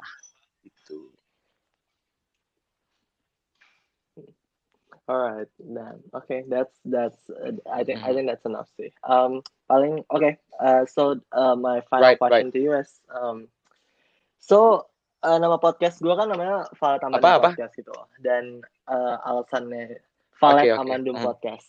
Um, dan kenapa namanya itu adalah itu sebenarnya Latin dari word okay. loving gitu loh. Dan uh, kenapa kenapa gue sel, uh, selalu uh, bilang word loving gitu? Karena menurut gue kayak hidup yang hidup yang the good life itu kayak it's it's a life that is not only worth living but also worth loving gitu kayak you love your life gitu kayak kalau bahasanya kalau bahasanya si Nipsey itu kayak dia bilang kayak uh, gue uh, kayak I love the life that I mm-hmm. created gitu kayak gue gue senang sama hidup yang udah gue uh, bikin gitu dan kalau menurut lo what is your definition of a life that is worth loving hmm. that's deep tapi I think yeah, the definition of life that is worth loving is that you have people that is worth loving around you. I guess that's it's just like that. Sih menurut gue. Kayak um ya yeah, the easiest answer would be family, right? Ya gak sih? would be family kayak I think to have people mm. that you yang yang worth loving kayak to, to have a life that is worth loving means to apa be with people that are worth loving as well gitu or kayak ya udah to have people that you love around you. Itu sih kayak family gitu kan or friends or spouse gitu kan. Jadi I think uh, um, or society gitu kan. I think itu sih kuncinya. Gitu. Kayak um, ada satu temen gue yang pernah bilang gini dan ini kayak apa kayak ngena banget sih di gue. Kayak dia bilang kesuksesan seorang tuh uh, kalau lo mengukur secara kuantitas ya kesuksesan seorang lo tuh bisa mungkin lo bisa mengukur dari jumlah teman yang dia miliki gitu tau gak sih well sebenarnya itu juga mungkin gue agak nggak setuju juga ya karena mungkin kayak pertemanan kan nggak bisa diukur secara kuantitas kayak mungkin lu cuma punya teman atau dua teman yang cuma yang mungkin nggak banyak tapi dalam tapi maksudnya I think kayak ketika lu punya orang-orang yang sayang sama lu dan lu juga sayang sama dia gitu kan, sama sayang sama mereka gitu kan. I think uh, I think you have done you've lived a good life sih. Gitu sih. Gitu. Karena ketika lo bisa Iya, ketika lu bisa punya ya. Jadi kayak iya menemukan orang-orang yang yang yang lu sayangi dan mereka juga sayang lu juga. Gitu sih gitu Damn. ya I guess kayak I think itu sih yang gue rasa dari ya maksud gue um, apalagi setelah gue merantau lama dan lain-lain gitu kan maksud gue kayak kayak gue sekarang mensyukuri betapa kayak mensyukuri gue punya keluarga tau gak sih? Kayak kayak atau kayak mungkin mungkin banyak hmm. orang yang yang mungkin gak tidak punya orang tua gitu kan dari usia muda. Tapi mereka tetap bisa cari gitu loh orang-orang yang mereka sayangin entah itu dari lingkungan mereka teman-teman mereka atau apa spouse you know kayak pasangan gitu kan dan lain-lain anak atau lu terlalu punya anak gitu kan. I think dan ketika ketika lu sayang sama mereka dan mereka juga sayang lu balik gitu kan that's enough gitu sih. Tau gak sih? Kayak bahkan ketika ketika lu cuma punya satu temen gitu ya anggaplah kayak uh, lu punya satu temen tapi lu fokus sama temen lu ini lu sayang sama temen lu dan temen lu juga sayang sama lu dan dia ngerasa keberadaan lu tuh ada gunanya I think that's enough gitu. Dan coba lu bayangin kalau 7 miliar orang kayak gitu semua mindset. Kayak I think everyone will feel loved kayak everyone will feel kayak ya udah yang mereka tuh keberadaan di muka bumi ini tuh ada manfaatnya gitu loh untuk orang lain. Dan itu nggak perlu diukur oleh oleh jumlah atau banyaknya orang tapi itu perlu ya itu it's about kayak ya udah it's uh, it's about being kind and to ini aja apa to have compassion and love to other people. Gitu. Gitu sih. Yeah. tapi gini gue ngomong kayak gini it's an, it's a it's it's an ideal ini ya maksudnya kayak idealism yang of course akan berhadapan dengan sisi-sisi kemanusiaan kita juga yang mana kita juga sebel atau masih kayak, kayak mungkin lu juga kayak dalam keluarga pun juga ada yang saling sebel atau saling kesel dan lain-lain. Tapi kayak it's it's very important to put compassion and kindness above everything gitu loh nanti ketika dealing with other people. Gitu sih. Cool. yeah. uh, um, Mhm. do you have any uh, kayak um, karena karena lo tadi karena lo tadi kayak explain a really interesting point itu kayak do you have any favorite quote about that itu kayak ada nggak sih quote yang bikin lo jadi, jadi keinget terus gitu loh atau atau some atau apa pun yang kayak uh, bikin lo jadi kayak ke anchor sama hal-hal itu gitu loh. Hmm. Iya, iya, iya, iya. Ada ini sih, quote-nya Abraham Lincoln. Ya, of, ya maksudnya di luar ini ya, Hmm. of course sebenarnya gue juga banyak termotivasi dari hadis-hadis gitu loh, tau gak sih? Kayak kalau if you wanna, ah kalau dari hadis-hadis tuh kayak ya kalau lu baca-baca kan kayak um, ya um, ya paling gampang tadi itulah kita orang yang paling orang yang ini adalah orang yang bermanfaat untuk orang lain gitu kan. Tuh, Ya hadis yang terkenal itu kan uh, the most yang khairun nas anfahum linnas gitu kan. Orang yang saat sebaik-baiknya manusia adalah yang bermanfaat dari orang lain gitu kan. Dan ada juga yang lebih teknis lagi turunannya kayak uh, ini mungkin gue salah ya, kayak kayak Nabi tuh pernah bilang kayak orang yang disayangi Allah gitu adalah orang yang ketemu saudaranya tersenyum, tau gak sih? Ketemu ini tersenyum dan dan gue tahu itu itu itu nggak Hmm. gampang untuk dijalanin gitu, tau gak sih? Kayak itu emang emang nggak gampang dijalanin, tapi kayak itu adalah ideal standard yang perlu kita terus kejar dan kayak untuk mengingat bahwa kita punya kayak compassion dan love above everything itu. Tapi kayak kalau mau quote yang lebih mungkin less religious ya, eh, ada quote-nya Abraham Lincoln. Hmm. Jadi ini gue nggak begitu inget persis em, apa namanya bunyinya gimana. Tapi ini pas lagi dia itu second inauguration. Jadi apa namanya waktu dia lagi waktu dia lagi dilantik jadi presiden lagi yang ke- yang kedua kalau nggak salah dia gini with malice toward none with charity gitu. Apa namanya? Eh, dengan eh, dia bilang dengan malice dengan niatan jelek terhadap eh, terhadap non gitu.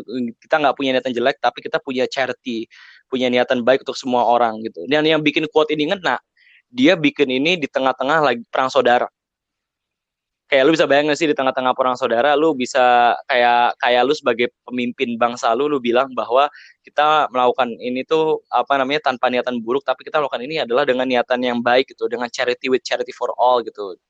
Kayak wow menurut gue tuh ngena banget sih. Kayak oke udah. ya itunya intinya itu sih tadi. Intinya adalah kayak gimana kita putting compassion and kindness above everything gitu sih. Um, oh ya ada satu quote lagi ini terakhir ya ini menurut gue penting banget sih untuk kita inget terus. Hmm. kayak ada satu buku yang menarik banget judulnya What I Wish I Knew When I Was 20 lu udah pernah baca mungkin eh ya terus Eh, habis itu dia bilang pokoknya setiap kali kita mau melakukan sesuatu selalu tanyakan ke diri kita sendiri. How would I explain this to my child? Tau gak sih?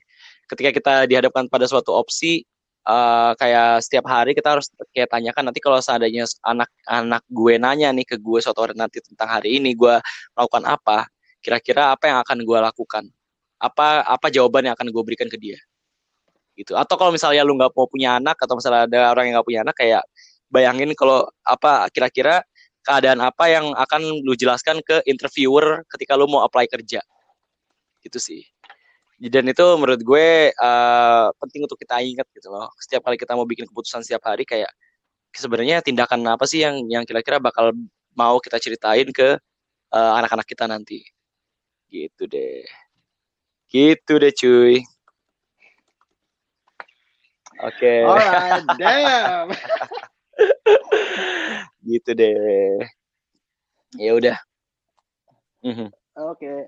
Well, Radian, thank you. I want to acknowledge you. Kayak thank you for ha- thank you for Right. this interview dan I hope kayak semuanya baik-baik Yes. aja di sana dan good luck for all of your Ya, good luck for you too ya, Gif ya. Thanks for inviting me as well. Uh, apa namanya? Uh, good luck juga for your studies untuk untuk bentar lagi dan salam juga untuk semua yang ada di Depok ya. And that's a wrap. Um, everyone, thank you so much for listening till this point. I hope you've enjoyed our conversation in this interview. And yeah, subscribe to Apple, Spotify, and everything in between. See ya.